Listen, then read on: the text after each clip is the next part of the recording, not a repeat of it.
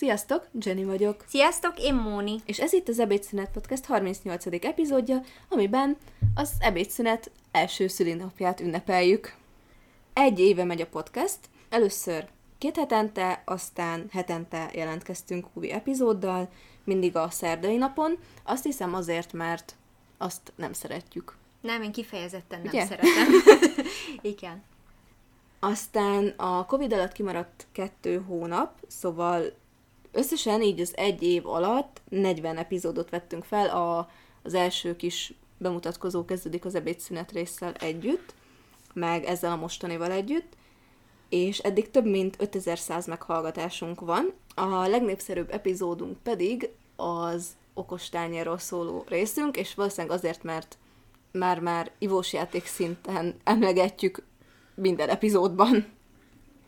Úgyhogy most, hogy túl vagyunk egy kis statisztikán, meg egy kicsit büszkélkedtünk azért, hogy már ennyien meghallgattatok minket, arra gondoltunk, hogy ebben az epizódban arról fogunk beszélni, hogy egyrészt magáról a podcastról, hogy miért csináljuk, milyen pozitív hatásai vannak az életünkre, milyen nehézségeket élünk meg ezzel kapcsolatban, Már hogy azért ezt van csináljuk.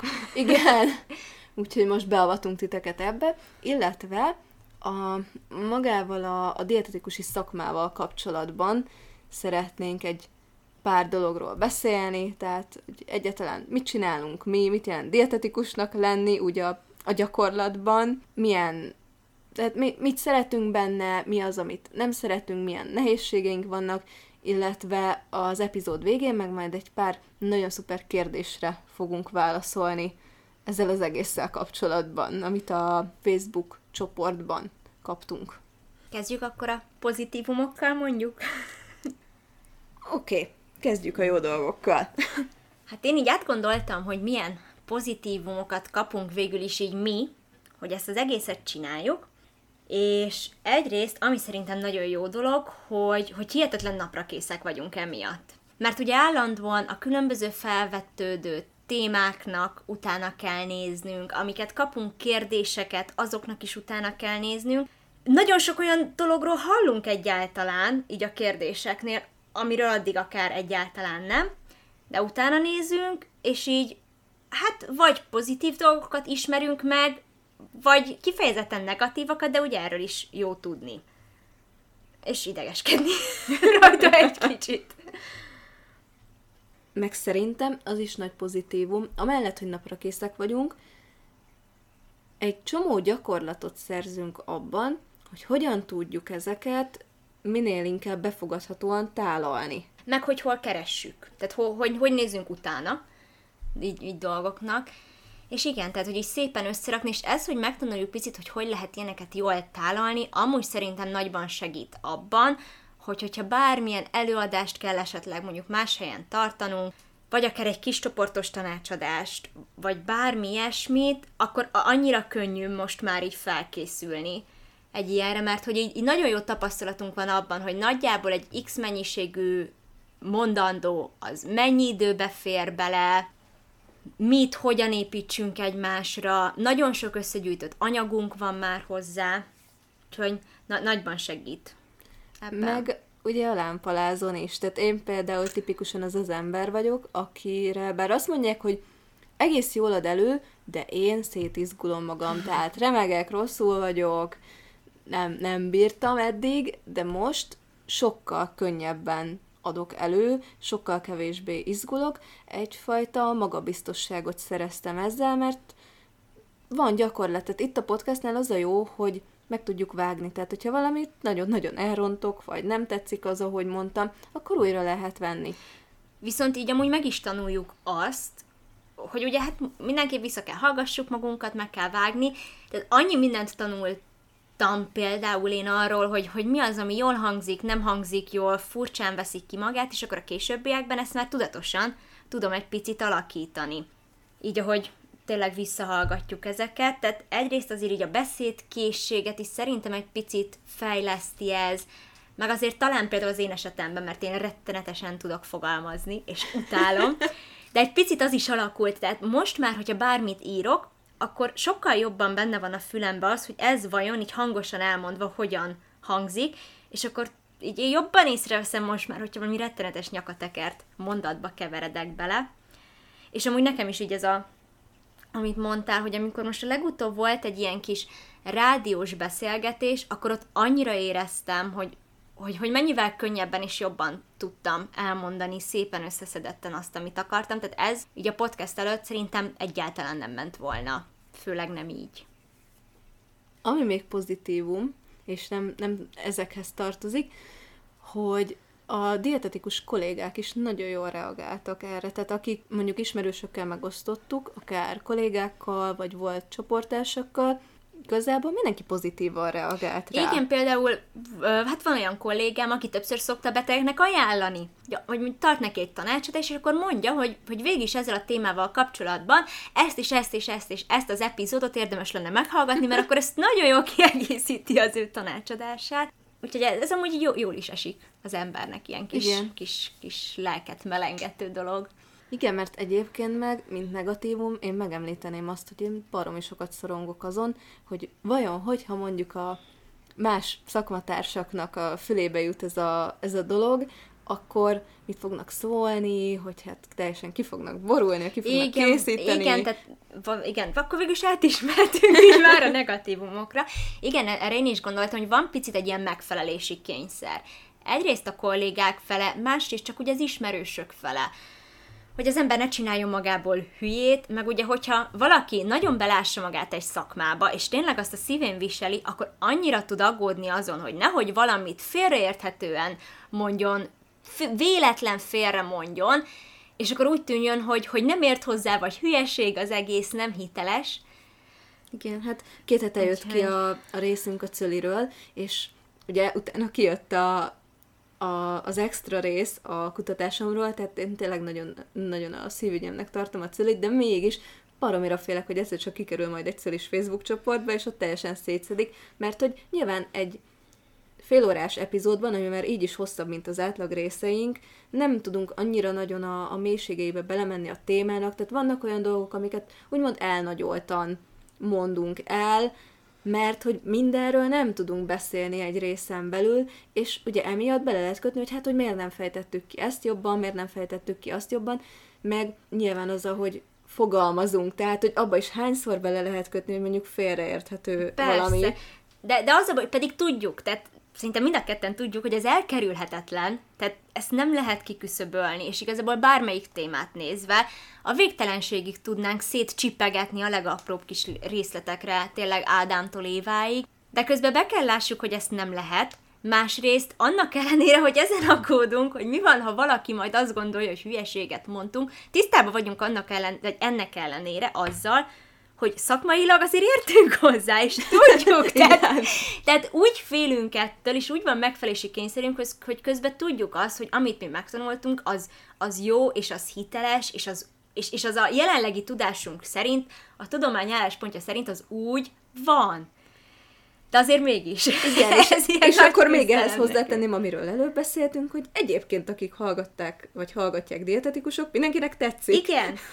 Igen, tehát azért közben legtöbbször szerintem a, az úgymond laikusok, akik képesek úgymond pofátlanul szétszedni bárkit, bármikor, de amúgy ugyanez, tehát ez, ez mondjuk az interneten kivéthetetlen, mert ha csak az ember megnéz bármelyik mondjuk tegyük föl modellt, hát nem azt látni alatta mindig, hogy a, a nem azt mondom, hogy ronda, de akár, akár tényleg kétfogú, hát nem, nem a szépségiparba való emberektől jönnek a kommentek, hogy hú, de ocsmány vagy, én bottal se szurkálnálak meg, meg minden, amikor valószínűleg két mondatot nem tudna sok mondani, hogyha egy olyan nő hozzászólna.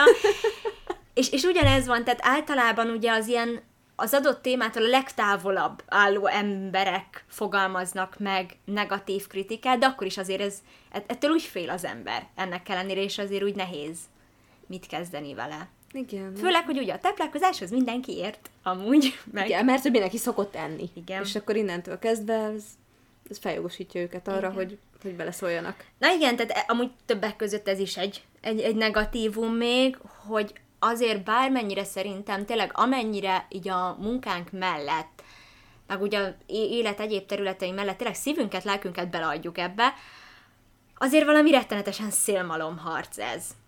Mert olyan sok minden ömlik az internetből, meg a média különböző területeiről, hogy, hogy, hogy tényleg, tehát egyszerűen nagyon nehéz eljutni hiteles információkkal az emberekhez, főleg, hogy mivel a hiteles információk soha nem lesznek annyira hatásvadászak, mint az összes többi. Igen, és erről ugye a nem hivatalos források az interneten? Vagy mi, mi volt a címe annak a résznek? Igen. Szóval, hogy egy egész epizódot szenteltünk ennek az egész témának, hogy honnan tudjátok felismerni, hogy mi az, ami kamu, meg mi, mi, mik azok a helyek, ahol hiteles forrásokat találtok, meg hiteles cikkeket, akármiket találtok, de hogy baromi nehéz, és, és tényleg én is egyébként azt írtam fel a kis vázlatomba, hogy elveszünk a sok szakmai atlan dolog között. Igen, mert abból rengeteg van, és tényleg hatásvadász, és iszonyat jó marketinggel csinálják, és tolják bele az ember arcába, és ez nem kifejezett, nem csak személyesen rossz, hogy jaj, a mi kis munkánk nem ér el annyi emberhez, nem, ez szakmailag annyira rossz érzés, hogy az embereket sokszor egészségileg megkárosítják, ezzel az elképesztő sok valótlan tanácssal, vagy akár mindenféle termékekkel, amiket így lenyomnak az ember torkán. Gondoljunk csak bele a mostani bejutakes botrányba. Igen. Tehát, tehát ez, így, ez így konkrétan leginkább szakmailag fáj, hogy az ember egyszerűen nem tud jelenleg annyira harcolni ezek ellen, mint amennyire szükség lenne rá mindig az a hangosabb, aki nem ért hozzá, és, és egyébként azt is rossz látni, hogy az MDOS-nek, ugye a, a Magyar Dietetikus Országos Szövetségének van egy Facebook oldal, és ott mindig meg szoktak osztani ilyen kis szösszeneteket, ilyen kis egy képbe beleférő okosságokat, amik tök jó dolgok, és én ezt mindig nagyon támogatom, mert mindig meg szoktuk osztani mi is, és az alá annyira csúnya, lejárató kommentek szoktak és itt, jönni. És itt nem csak arra kell gondolni, hogy tök jó dolog, hanem ezek olyan dolgok, amiben több órás, hetes munka van, ha csak azt veszük, aki ezt elkészíti. De ha azt is belevesszük, akik megcsinálják azt a kutatást, amilyen kutatásokra ezeket alapozzák, ezeket a kis rövid szösszeneteket, ami jaj de jó pofa, akkor ez akár évek, évtizedek munkája is lehet. És iszonyat sok idő és pénz és energia, amit hozzá, tehát tényleg laikusok gond nélkül fél perc alatt úgy ócsárolnak, hogy, hogy ez vállalhatatlan, az a stílus. És ilyenkor van az, hogy legszívesebben letiltanék mindenkit, és soha többet nem mennék fel az ilyen közösségi oldalakra.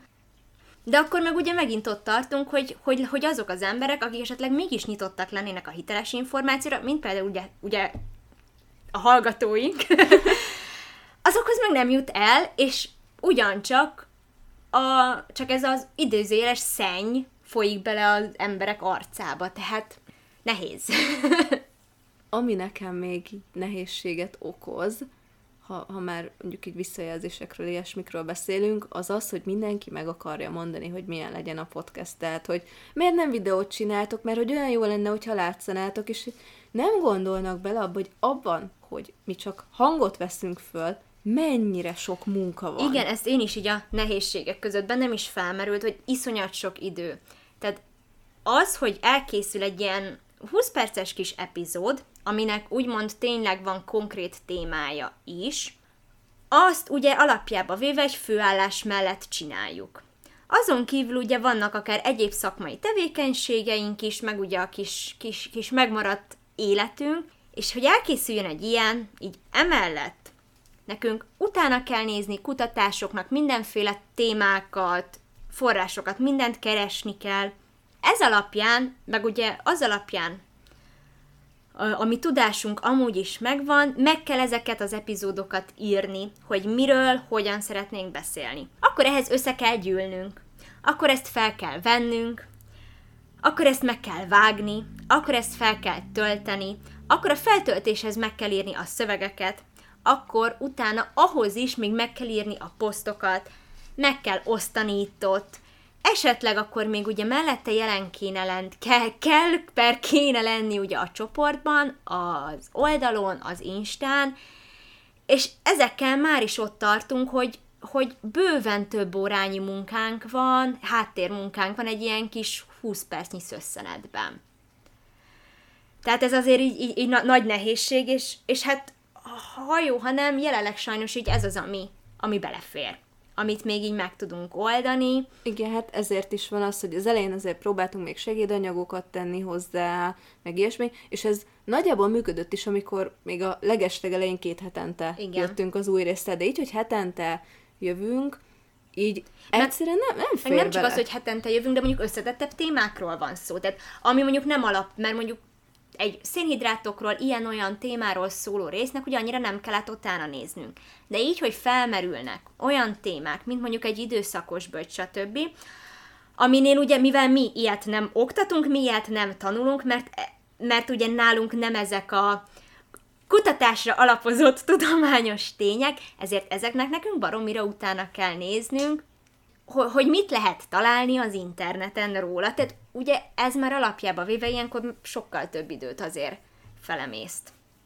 Meg hogy úgy, úgy nyilvánítsunk véleményt erről, hogy az elfogadható legyen. Igen, szerintem az nagyon sok energiába telik. Egyébként tőlem volt, aki megkérdezte, hogy és akkor leültök, és ezt csak úgy tudjátok mondani, és nem, úristen, hány órán van abban, hogy én megírok egy hat oldalas szöveget, egy 20 perces részhez, tehát ezt tényleg úgy képzeljétek el, hogy ez 6 A4-es oldal.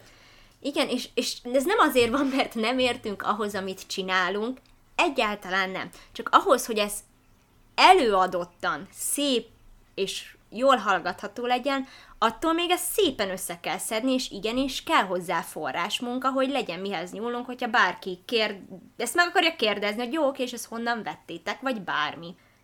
Mert, mert azért teljesen más összerakni egy ilyen részt, mint mondjuk tanácsot adni. Tehát ugyanúgy, mondjuk tegyük fel egy egyetemi oktató is, aki már 30 éve tegyük fel oktat az egyetemen, ő is ugyanúgy, hogy hogyha adott témában neki az egyetemen elő kell adnia, ugyanúgy utána fog nézni, ugyanúgy frissíteni fogja a diáit, és ugyanúgy nem csak odáll minden felkészülés nélkül, annak ellenére, hogy lehet, hogy már, ha csak évi egy ilyen előadást tartott, akkor is 30-szor előadta azt a témát. Tehát bár ilyen jól menne, bár így menne, de hogyha az ember ezt tényleg szakmailag jól akarja csinálni, akkor ez nem csak ilyen úgymond idézőjeles szájtépés. Mint mondjuk most ez az epizód. Igen. De egyébként én szeretem ezt is csinálni. Tehát én, én azt gondolom, hogy jók ezek, hogy picit kötetlenebbül beszélünk. Persze, tehát ennek is megvan így a, így a helye. Viszont, amit így pozitívunként említenék, hogy aki mondjuk kolléga hallgatja, mindig meg szoktuk kapni, hogy úristen, mennyi sok munka van mögött, hogy lehet hallani benne, hogy mennyit dolgoztunk, igen, és ez igen. annyira jól esik. Aztán ami nekem még így nehézségként amúgy eszembe jutott, az az, hogy szerintem iszonyat fontos lenne, hogy az ilyen prevencióban dolgozó egészségügyi szakemberek képzésének szerintem szerves részének kellene lennie a marketing. Mert, mert, mert egyszerűen többek között, tehát ami nehézség, hogy ezért sem tudunk jól eljutni a lehető legtöbb emberhez, mert sajnos nincsenek olyan marketing eszközök a kezünkben, ami ehhez kellene, mert hát nem meglepő módon a marketinget is emberek hosszú éveken keresztül tanulják akár. És, és, és ez azért nagyon érezhetően hiányzik, mert általában, amikor ilyen, hát nem mindig annyira megbízható forrásból ilyen-olyan tanácsok eljutnak sok emberhez, azért sokszor mögöttük egy jól megfizetett marketinges azért. Azért ott van, egyszer talán mi is eljutunk oda, hogy megengedjünk magunknak egy ilyet, de hát ugye, hát jelenleg még itt, itt, itt közel sem tartunk. Igen, pedig annyira jó lenne, hogyha minél több emberhez eljutnak, és egyébként ezért is szoktuk elmondani az epizódok végén, hogy ugye ott van a, a Facebook oldalunk, ahova mindig feltesszük az új részeket, és oké, okay, mi megosztjuk, de de az is nagyon-nagyon sokat számít, hogyha ti tovább osztjátok ezeket a részeket a saját felületeiteken, mert így tudunk eljutni más emberekhez Igen. is. És és ez nagyrészt nem rólunk szól, tehát hogy mert mi nagyon szeretnénk eljutni a saját érdekünkből másokhoz, hanem azért, hogy mások hiteles információkhoz juthassanak általunk, és ne az legyen, hogy az innen-onnan összekapart ilyen kattintásvadász oldalakról tájékozódjanak. Amit én még fölírtam, mint nehézség, hogy nehéz általánosan beszélni a dolgokról, úgyhogy az mondjuk csak egy valamire vonatkozzon, tehát hogy a, hogy mondjam, Tehát, hogyha beszélünk egy diétáról, vagy egy betegségről, ugye normál esetben, hogyha van ott egy adott ember, akinek tanácsot adok, akkor én tudom, hogy ő neki mondjuk milyen alapbetegségei vannak, megkérdezem, hogy ő hogy szokott enni, Vagy mit csak szokott milyen a tápláltsági állapota. Igen. Bármi. Pontosan. És már ebből pörög az ember agya, és össze-vissza kombinál, és amúgy nekem ebből olyan ilyen idézőjeles vitáim, tehát nem vérre menőek, de, de, de, de igen, tehát így, így tényleg vitának nevezhető vitáim szoktak lenni a nővéremmel, amikor bármilyen dietetikai anyagot szeretne ő tőlem, hogy én írjak neki adott témában, hogy nem, nem tudok, mert, mert bármiről elkezd beszélni egy dietetikus, szinte fél percen belül ott van az, hogy elkezdeném mondani, hogy de ha, és tehát így nagyon nehéz nem személyre szabottan mondani bármit, mert ha az ember már így az évek során egy egyetem alatt jól beleásta magát a témába, akkor tudja, hogy mindig kell alkalmazkodni valamihez, még pluszba. És nem nagyon van ilyen tipikus, akkor ezt ráhúzzuk és kész, beteg. Igen, ezt nem is tudom, melyik részben mondtuk, de, de, de valamelyikben elmondtuk, hogy ha valaki túl rövid választ ad, akkor az biztos, hogy nem dietetikus. Igen. Vagy csak már nagyon unnyalt, mert túl sokszor tették fel neki. Igen. Akár ingyen. Úgyhogy ez a másik opció. Akkor menjünk át magára.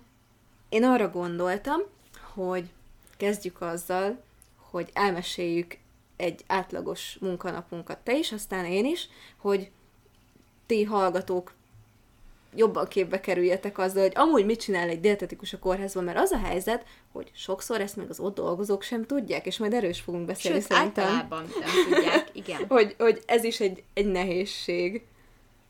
Jó. Kezd nyugodtan. Oké. Okay. Szóval, én hatra járok dolgozni, hattól kettőig vagyok bent. Általában ez úgy szokott kinézni, hogy reggel hatkor én felbatyogok az osztályra, megnézem, hogy hány beteg van, az alapján csinálok egy ilyen úgymond előzetes létszámozás, mert nyilván a, az, hogy kinek milyen diéta van, az majd a vizit után fog eldőlni, de ez alapján már tudok szólni a konyhára, hogy oké, okay, tudom, ennyi reggeli lett berendelve, de ehelyett csak mondjuk ennyit küldjetek.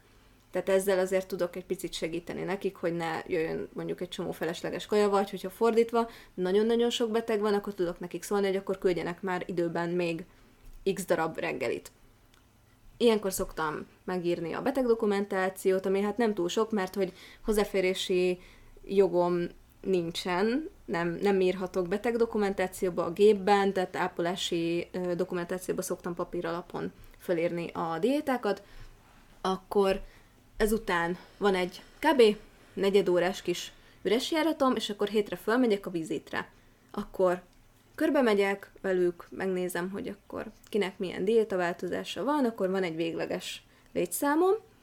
Ilyenkor nekem nagyon-nagyon sűrű szokott lenni a reggel, mert hogy nagyon sok olyan beteg van a sebészeten, akik mennek haza aznap, és ők általában már reggel el szoktak menni, és ha mondjuk egy egynapos műtéten van bent valaki, mondjuk egy laparoszkópos epeműtéten, akkor őt mondjuk hétfőn bejön, megműtik, és kedden reggel hétkor már van olyan, hogy ott sincs, de hogyha szerencsém van, akkor fél nyolckor még ott van, mikor a vizitnek vége van, és akkor gyorsan meg tudom tanácsolni. De van olyan, hogy mondjuk négy-öt beteg is összejön így reggel, és akkor valahogy meg kell mindet tanácsolnom, mielőtt elmennek haza a kis zárójelentésükkel.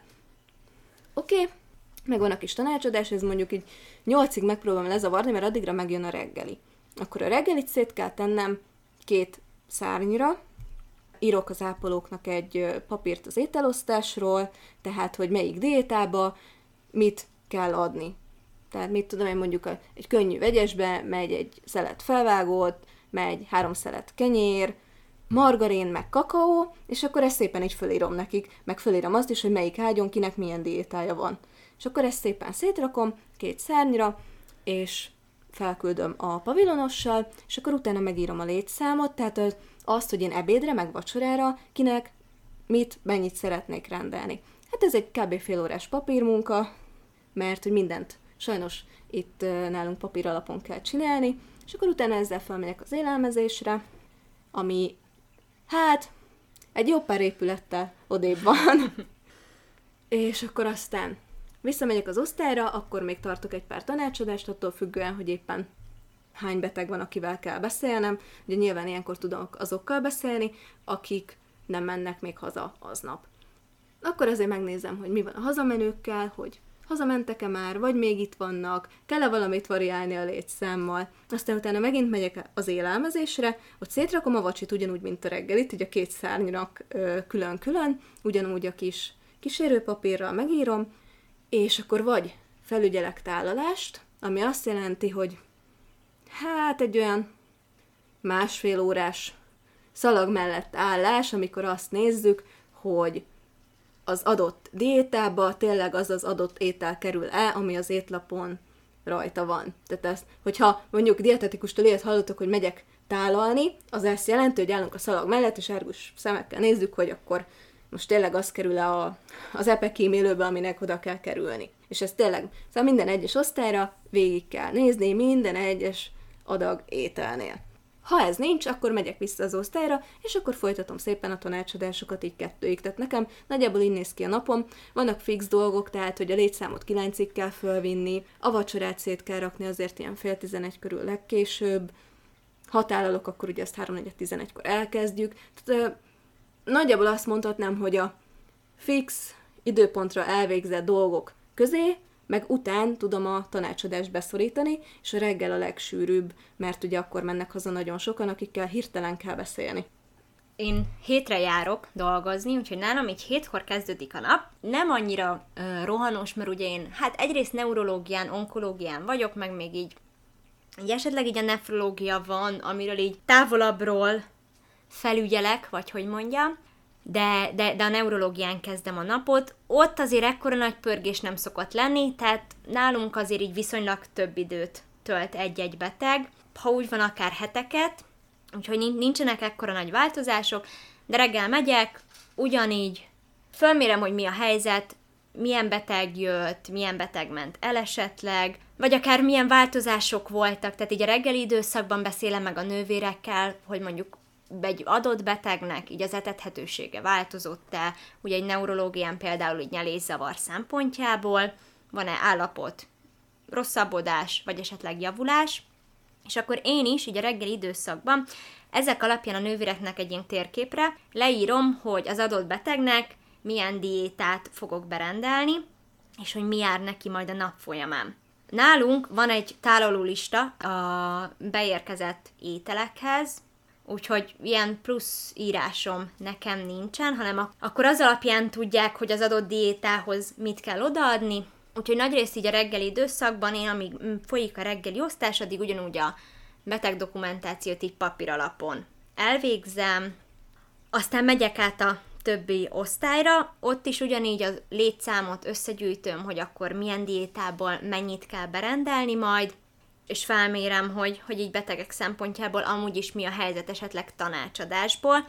Viszonylag ritkább, hogy én a reggeli időszakban tanácsolok, mert hát ugye nálunk nem szoktak haza sietni a betegek, és azért általában úgy jobban összeszedik magukat délutánra, egyrészt a neurológián, az onkológián pedig ott azért a reggeli időszakban még nagy rész ezek a vérvételek mennek csak, tehát sokszor ott az se dölt el, hogy bent marad esetleg kezelésre, vagy megy haza, aztán innen, amikor így mindenhonnan megvan a létszám, és elektronikusan elküldöm az élelmezésnek a berendelt diétákat, akkor utána megyek át az élelmezésre, akkor ott kóstolunk, átnézzünk mindenféle ételt, hogy az kiadható, nem kiadható.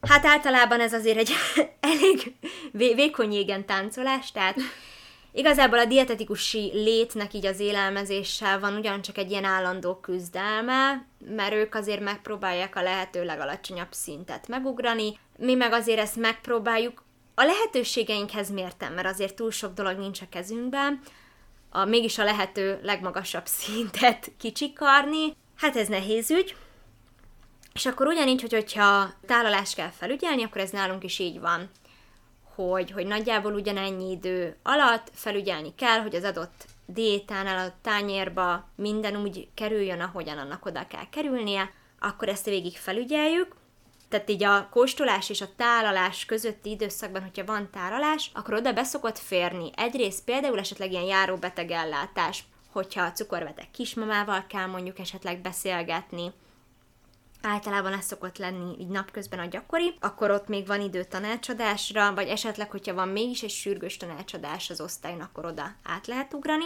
Aztán tálalás után, itt délután van nálunk inkább ez a tanácsadó időszak, amikor az osztályos tanácsadásokat el tudjuk végezni, vagy például nálam az onkológiám, ha nem kell tálalnom, ami ugye azért így keresztbe vágja valamelyest a napot, akkor tudok a délelőtti időszakban már átmenni az onkológiára, és akkor ott felmérni a betegeket, és megtartani a tanácsadásokat.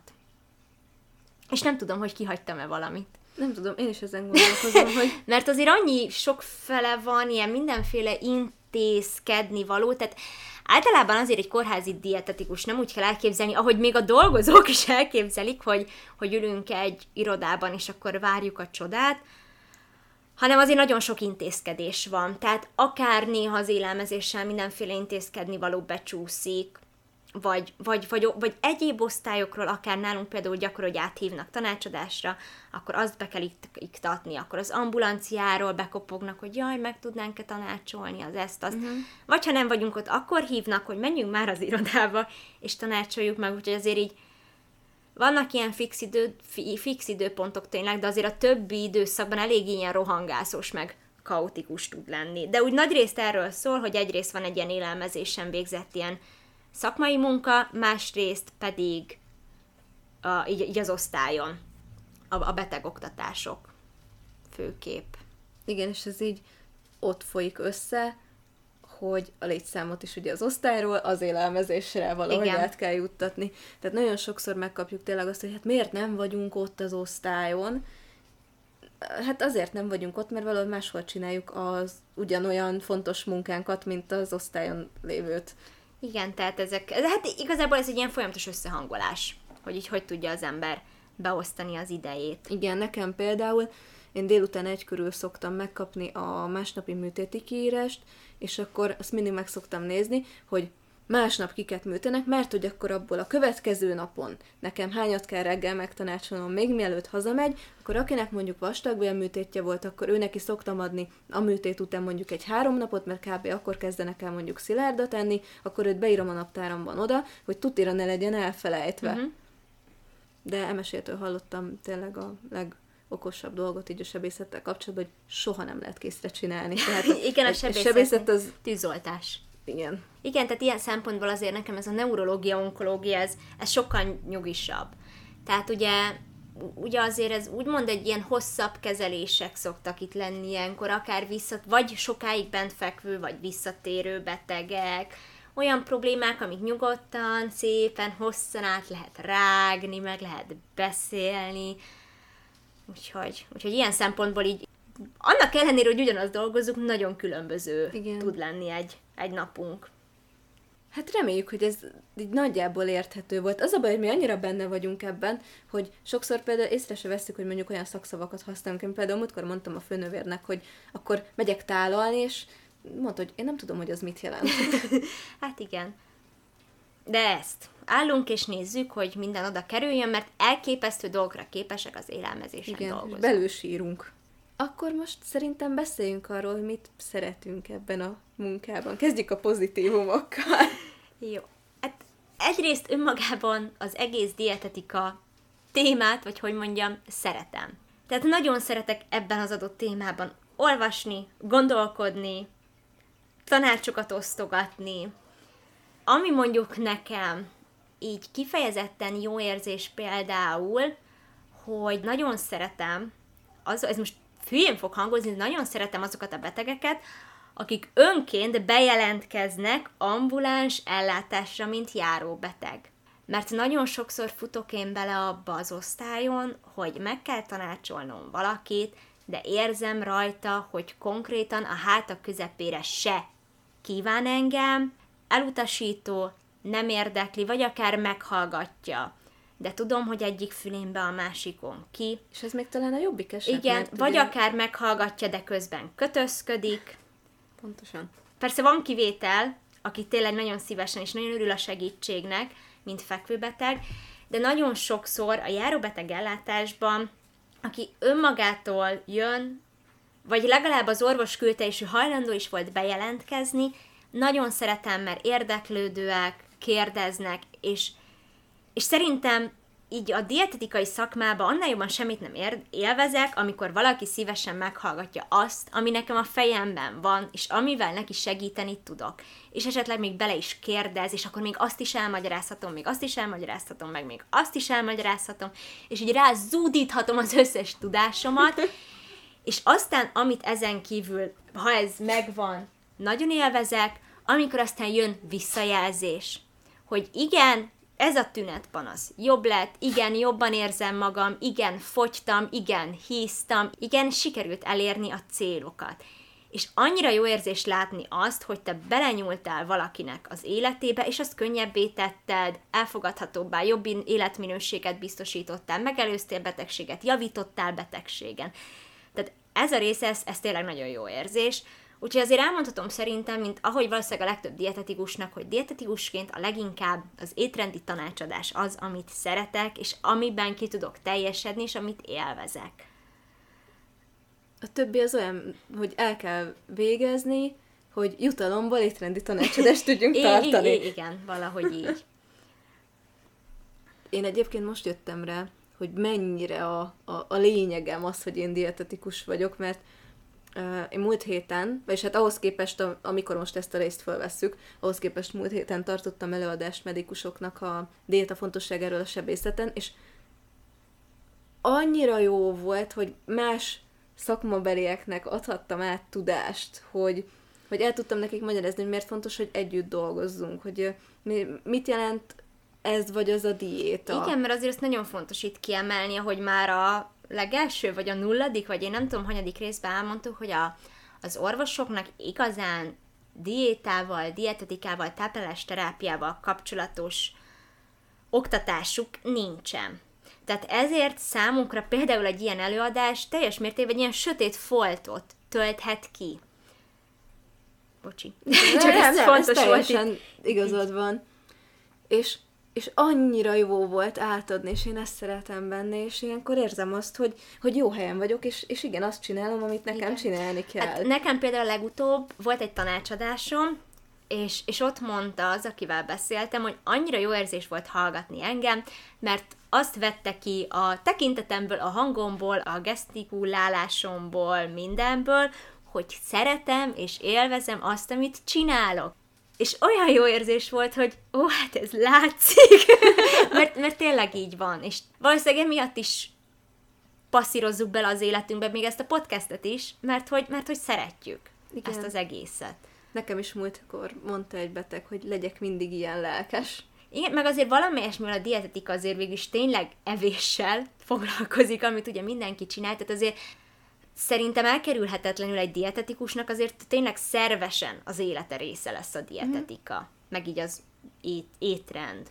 Igen, én például hobbiból szakácskönyveket szoktam olvasni.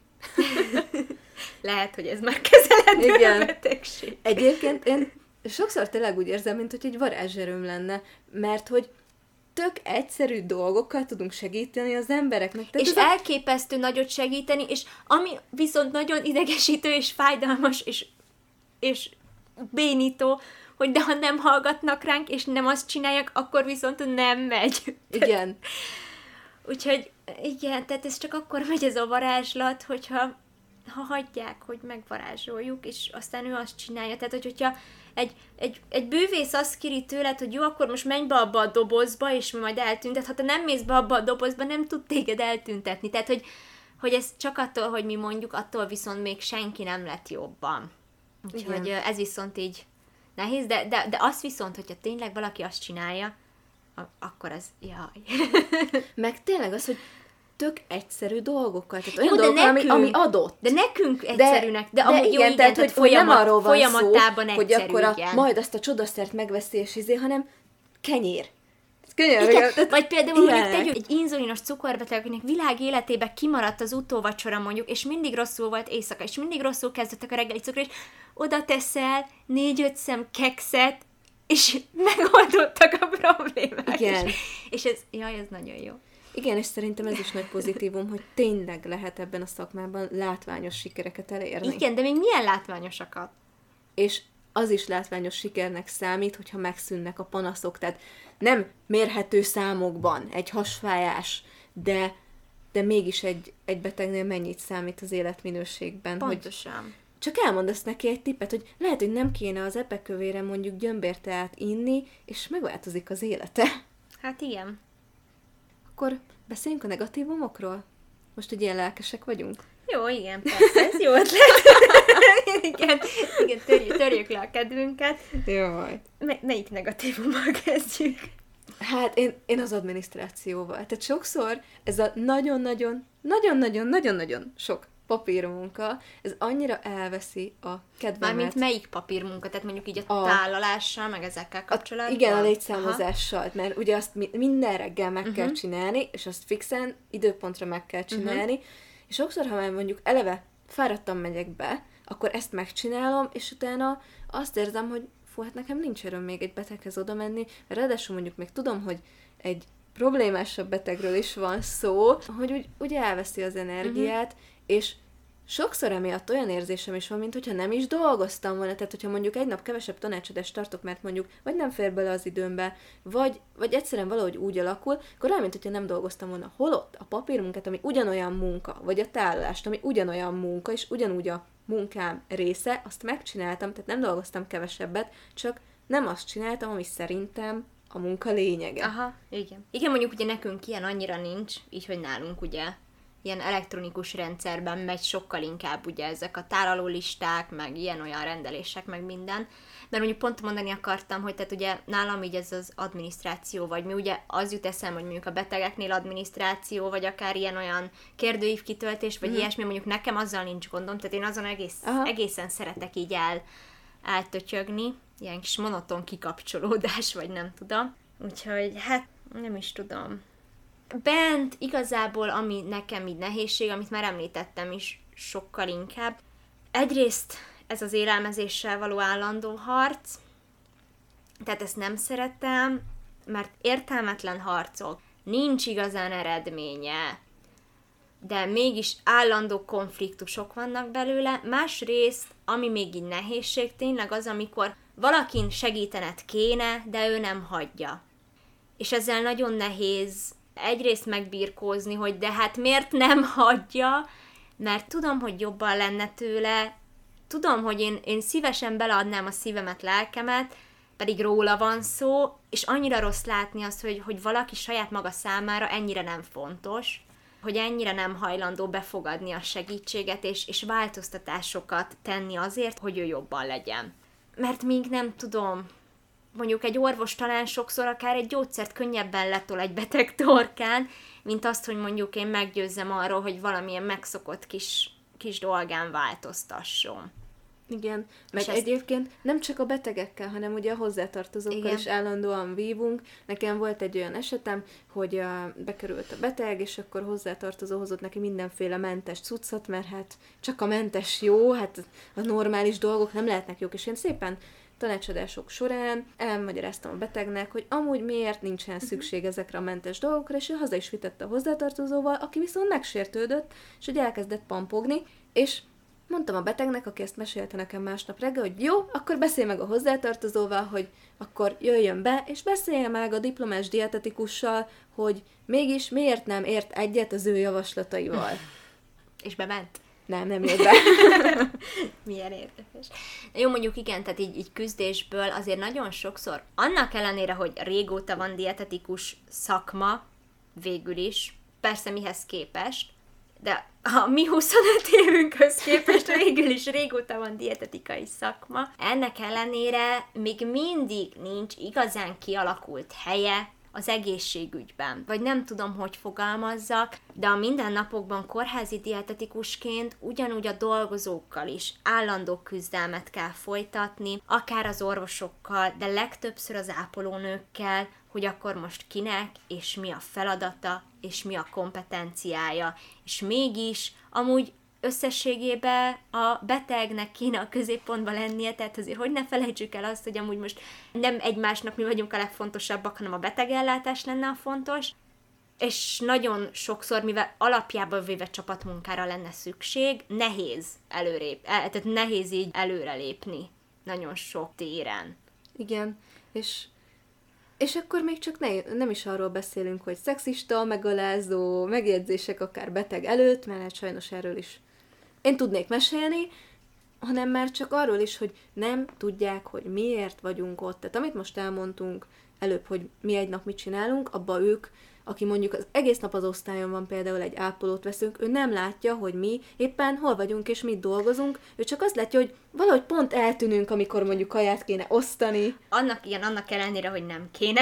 Tehát tényleg így a kompetenciák meg a feladatok nagyon sokszor összemosódnak, és mindenki próbálja a másikra rátolni azt a feladatot, amit neki nincs kedve megcsinálni. És azért ebből sokszor van konfliktus. Igen, mert gyakorlatilag nagyon sokszor ilyen segédápoló szinten. Igen, az ilyen régi, ré, régi diétás nővér, tehát annak ellenére, hogy ennyiféle feladatunk van, hogy a beteg ellátásban, mint az étrendi tanácsadás, amit más nem tud megcsinálni, mert tényleg senki más nem tud megcsinálni egy kórházban. Tehát Bár ilyen... van, aki ezzel nem értene egyet. De, de így van. De így van. Ilyen feladataink lennének, és volt már olyan, hogy például amikor elkezdtem dolgozni, az osztályon, hogy ilyeneket kaptam meg, hogy bezzeg az előző dietetikus, ő főzött nekünk lecsót, te mikor főzöl nekünk lecsót, meg ilyesmi. Hogy, hogy mosogassunk el nekik, hogy főzzünk nekik, hogy süssünk nekik, hogy a kaját kiosztjuk, hogy megetessük a beteget, meg ilyesmi. Ez meg Tehát a... az, ami mondjuk tényleg egy ilyen nagyon sok évvel ezelőtt egy diétás nővér volt, aki tényleg a, a, a kajáv, konkrétan csak a kajával ott foglalatoskodott az osztályon, hogy még a mai napig ez lenne az igény, mert ez az, amik őket konkrétan, mint ápolót érinti, és amivel neki könnyebb lenne ott az élete. Csak ugye mi nem értük vagyunk ott, hanem a betegért vagyunk. Igen, és nekem például volt olyan eset, hogy egy orvos hívott föl, hogy hát hogy ő hozatott be a hozzátartozóval almát, és hogy le kéne reszelnem. És mondtam, hogy ne haragudjon, de három beteg vár rám ambuláns ö, tanácsadásra, nem tudok fölmenni az osztályra úgy egyáltalán. Azt meg is fejtettem, hogy mi? Tehát, szóval nem, rám csapta a telefont, és akkor utána még hetekig hallgattam, hogy hát már pedig lenne az az én feladatom lett volna, hogy a behozott almát lereszeljem a betegnek. Ja, és hozzátenném úgy, hogy a hozzátartozó elfelejtett reszelt almát hozni, és a doki kiküldte a zöldségeshez, hogy vegyen almát, és hozza vissza. És majd a dietetikus lereszeli. És egyébként volt egyszer, nem is olyan régen egy ilyen dietetikusos csoportban téma ez, hogy valaki úgy szeretne dietetikust, hogy az meg is főzze neki az adott napra való ételt. És én ehhez oda kommentáltam ezt az esetet, hogy én azt gondolom, hogy ameddig nem tudják, hogy egy dietetikus mondjuk kórházban miért van ott, mi a feladata, mi a kompetenciája, és mi nem a kompetenciája, és hogy nem egy segédápolónak se jó valaki, addig én azt gondolom, hogy semmi olyan feladatot nem kellene elvállalnunk, ami nem tartozik bele az alapfeladatainkba, és nem azért, mert leesik a gyűrű a kezemről, hanem egyszerűen csak először legyen már meg a helyünk. Igen, azért jelenleg is még nagyon-nagyon sok feladat van ebben, hogy, hogy a dietetikai szakma, mint szakma kialakuljon az ő saját határaival. De azért, hogy, hogyha nem lenne elég a kórházban való folyamatos ilyen szélmalomharcok, azért nehézség szerintem így a családban is van. Megesik az, hogy állandó kérdésekkel bombázzák az ember, de azért aztán nem hallgatják meg, mm-hmm. meg azért mhm. már csak azért se úgy csinálják, de azért egy nyugodtan téphetett fél órán át a szádat, de minek?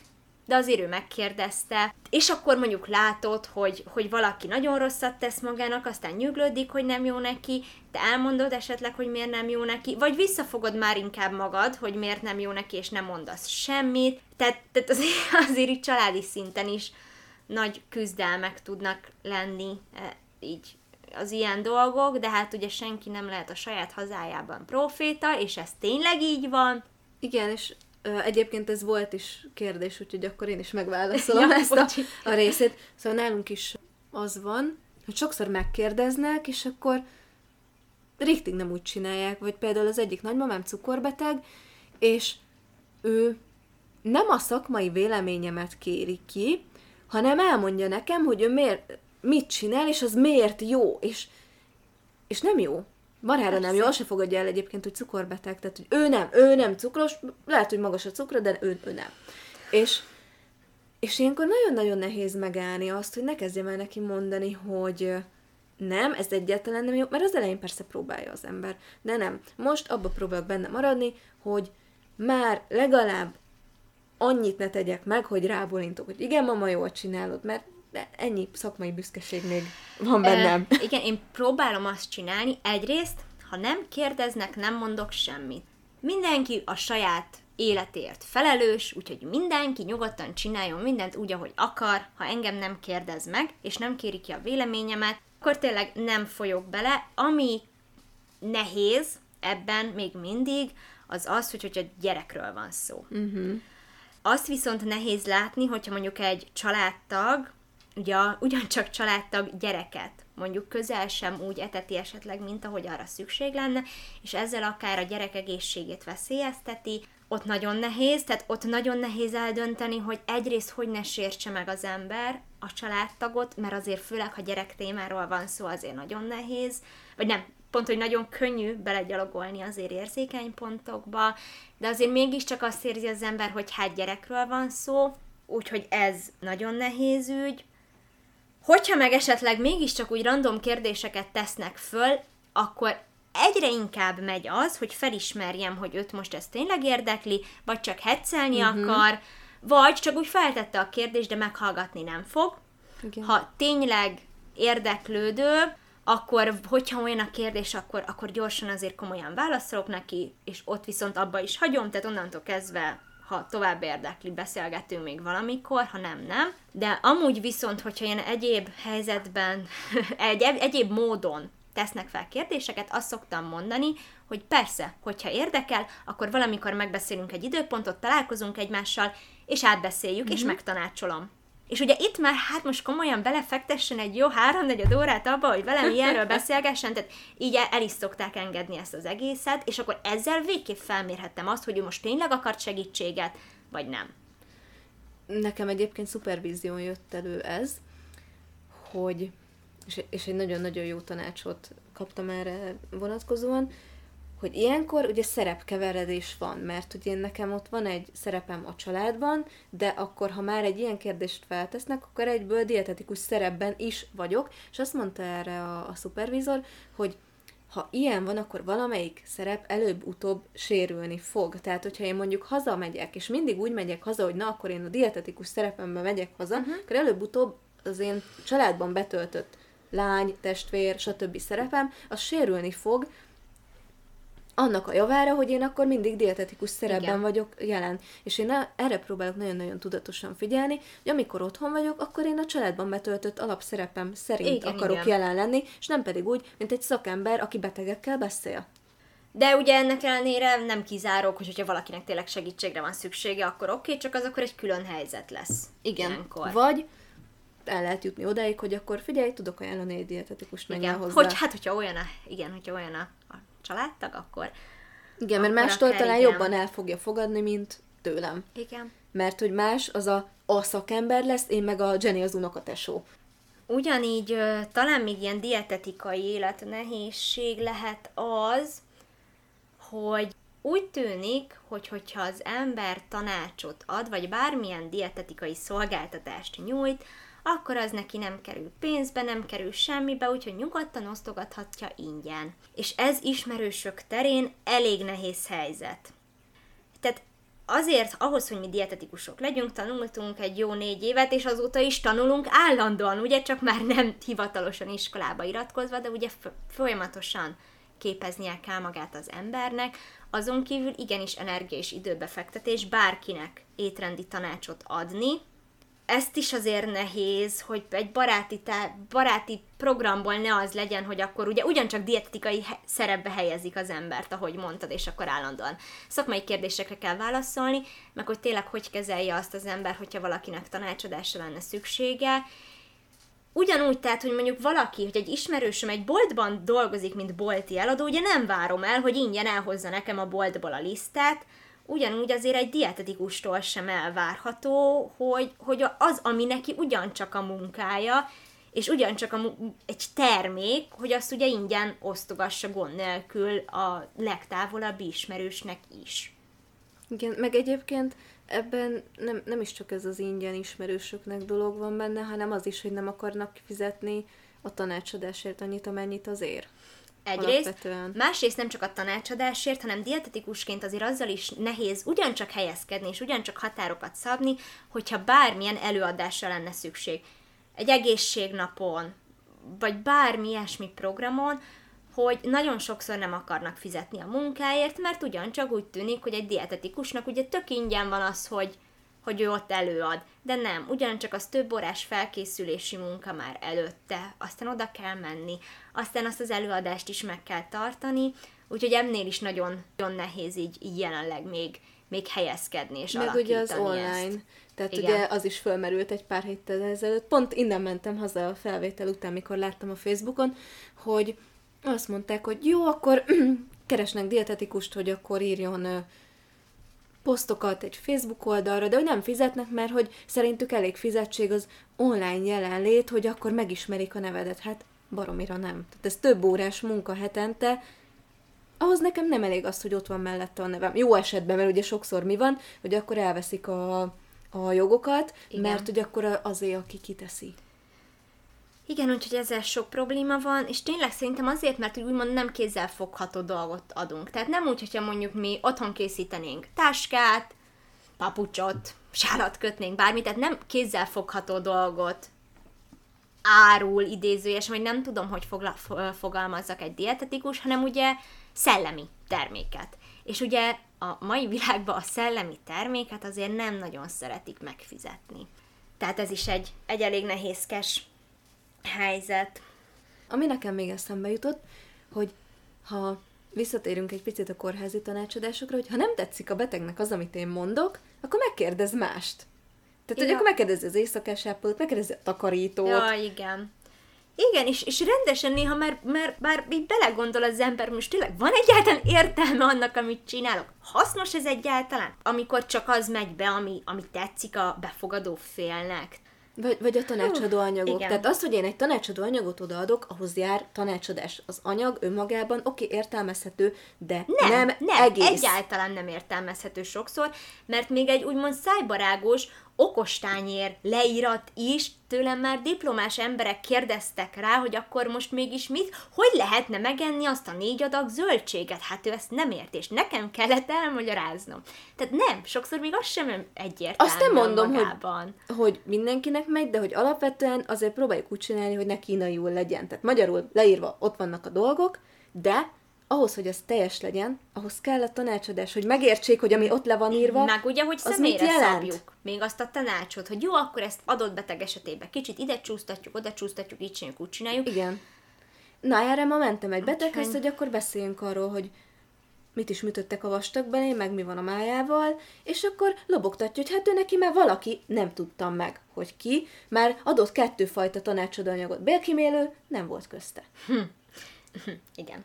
Még jó, hogy a saját uh, tanácsadó anyagaimra már ráírom legalább az ajára, hogy uh-huh. készítette forró Jennifer, uh-huh. mert igencsak meg vagyok sértődve, amikor az én anyagaimat odaadják bárkinek úgy, hogy ahhoz nem jár magyarázat, mert igen, abból félreértés van. Igen. Igen, és ilyen szempontból így, tehát dietetikusként jelenleg azért így mástól elismerést nehéz begyűjteni, vagy hogy mondjam. Ami jó, persze az embernek leginkább végül is, hogy a saját elismerése lenne a fontos, és hogy ő érezze és megbecsülje a saját munkáját, de ugye ilyen közegben azért még a saját megbecsülés is sokszor azért meg-megkérdőjeleződik, mert, mert nehéz helyzetben vannak a dietetikusok, de végképp tehát nagyon sokszor azért egy dietetikus inkább ellenérzést vált ki, mint sem kellemes befogadást, meg elismerést, hogy jaj, milyen jó, hogy van, és segített. Igen meg, meg tényleg ilyenkor az van, hogy amikor nem hallgatnak rám, és, és nem azt csinálják, amiről beszél, vagy a, a, amit mondok, pedig elmagyarázom, hogy mit, miért kéne úgy csinálni a saját érdekében, hogy mondjuk ne romoljon tovább az állapot, amíg oda kerül, hogy megműtsék, és persze, hogy nem azt csinálja, és akkor megkérdőjelezem azt, hogy én vagyok ennyire rossz dietetikus, tehát, hogy nem tudom átadni azt, amit én át szeretnék adni. Jaj, Bocsánat, Igen. de er, erre jut eszembe, hogy ugyancsak ez egy mennyire sikerül átadni. Ugyanez a beteg, akivel legutóbb beszéltem, aki mondta, hogy mennyire látszik, hogy mennyire szeretem, élvezem azt, amit csinálok, neki már a, hát szerintem egy, egy éve körülbelül volt nálam tanácsadáson a lánya is. Ugyancsak hasonló témában, de ő mostanra jutott el, a mostani páciens mostanra jutott el kivizsgálásra, és ezért ő csak most fordult hozzám tanácsért, és így a diagnózis és a tanácsadás között egy-két hét eltelt, és addig a lánya már elmondta neki, hogy tőlem miket hallott, ő mit hogy csinál, és neki miket kéne bevásárolni, és miket hogy kéne csinálnia, és akkor ezt el is mondta nekem, hogy igen, a, ezt már így átalakították, mert hogy a lánya tőlem ezt hallotta, ezt hallotta, és jól csinálták, és annyira jó érzés volt, hogy atya ég, átadtam valakinek azt, amit tudok, és ő megértette, aztán tudott másnak segíteni ezzel, de azért az a más megbízott bennem annyira, hogy még, el, még hozzám fordult, hogy azért mégiscsak az ő dolgaira szabjuk személyre, és így annyira jó érzés volt, tehát az ilyenek azért úgy felvillanyozzák az mm. embert, hogy jó, akkor azért talán ez mégiscsak király. Igen, és hogy akkor mégse vagy olyan hülye, meg, Igen. meg annyira inkompetens, hogy nem tudsz egy értelmes mondatot elmondani úgy, hogy megértsék. Igen.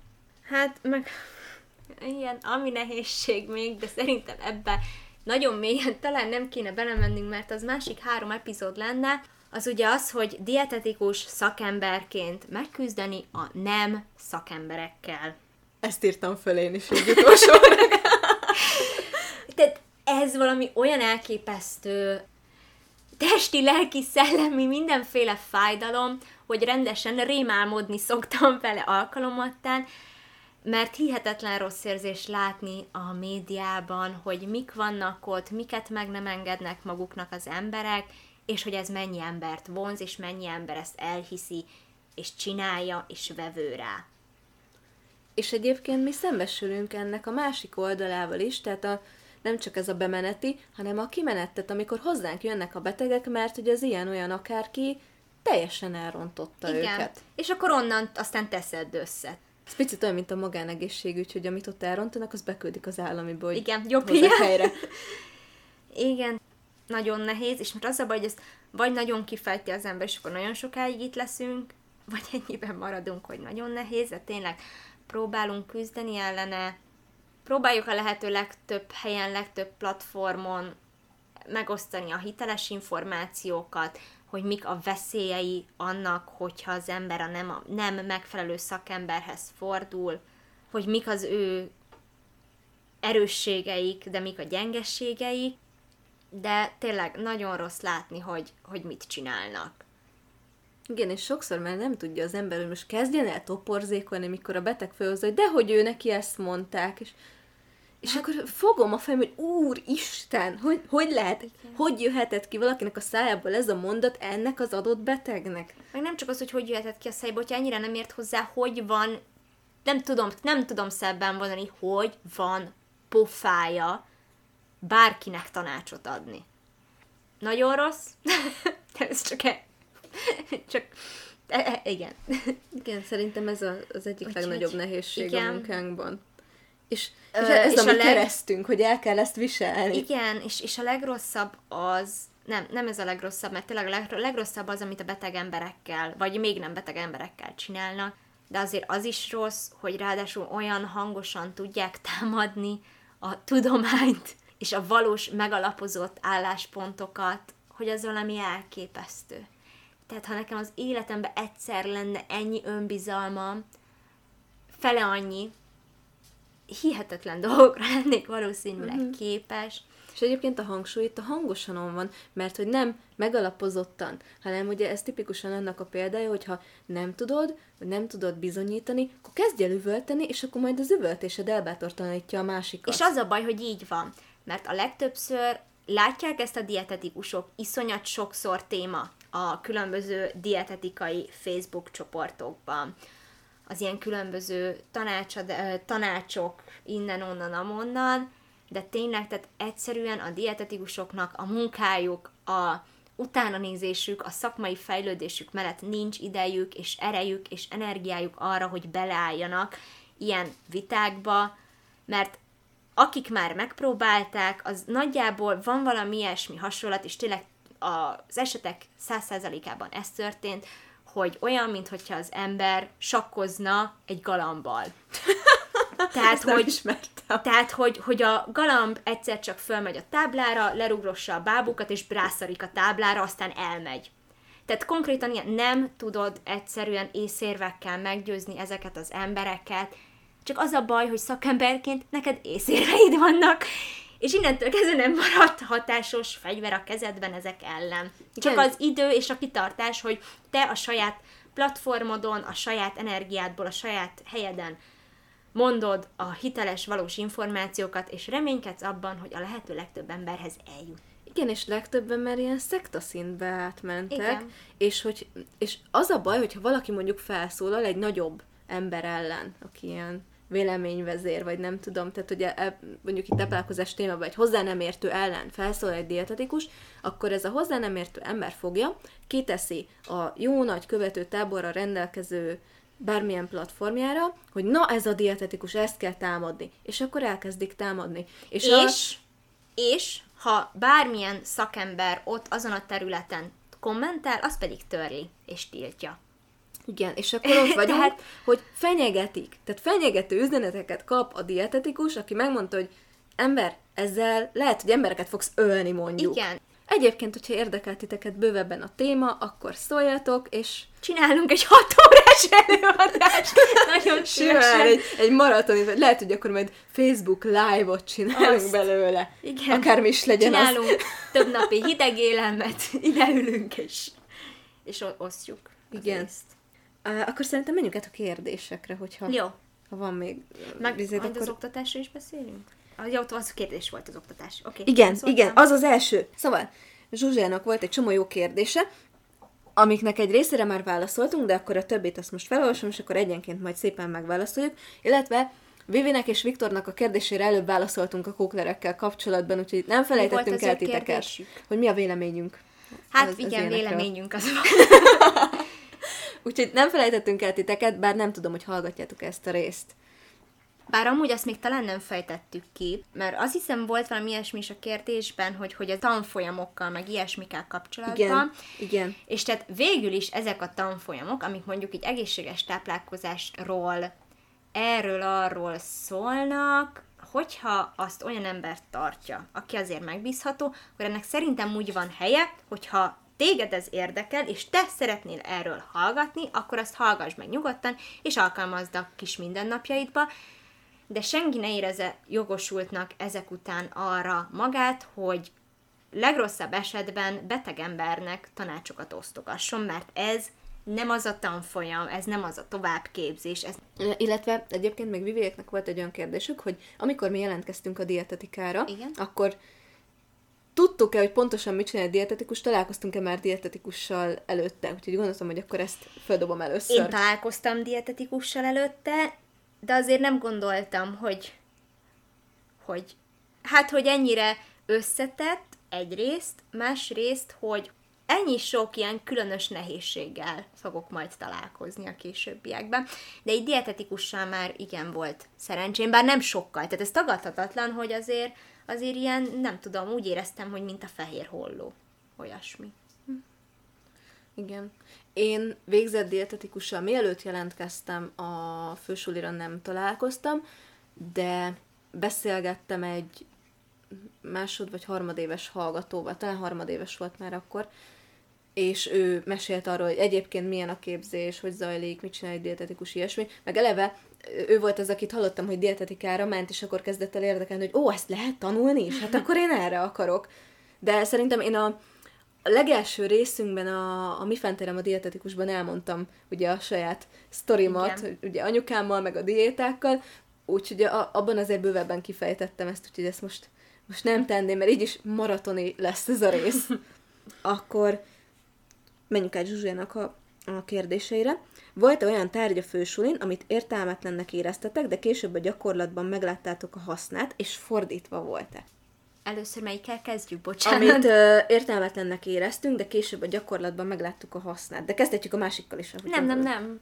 Nehezen tudnék megnevezni ilyet, Egyrészt azért, mert mondjuk egy például eszembe jut, a Személyiség és Hivatás című tárgy, de mivel ezt mondom nektek, ez senkinek nem mond valószínűleg semmit, tehát így megnevezni értelmetlen is végül is ezeket a tárgyakat. Csak én röhögök itt magammal.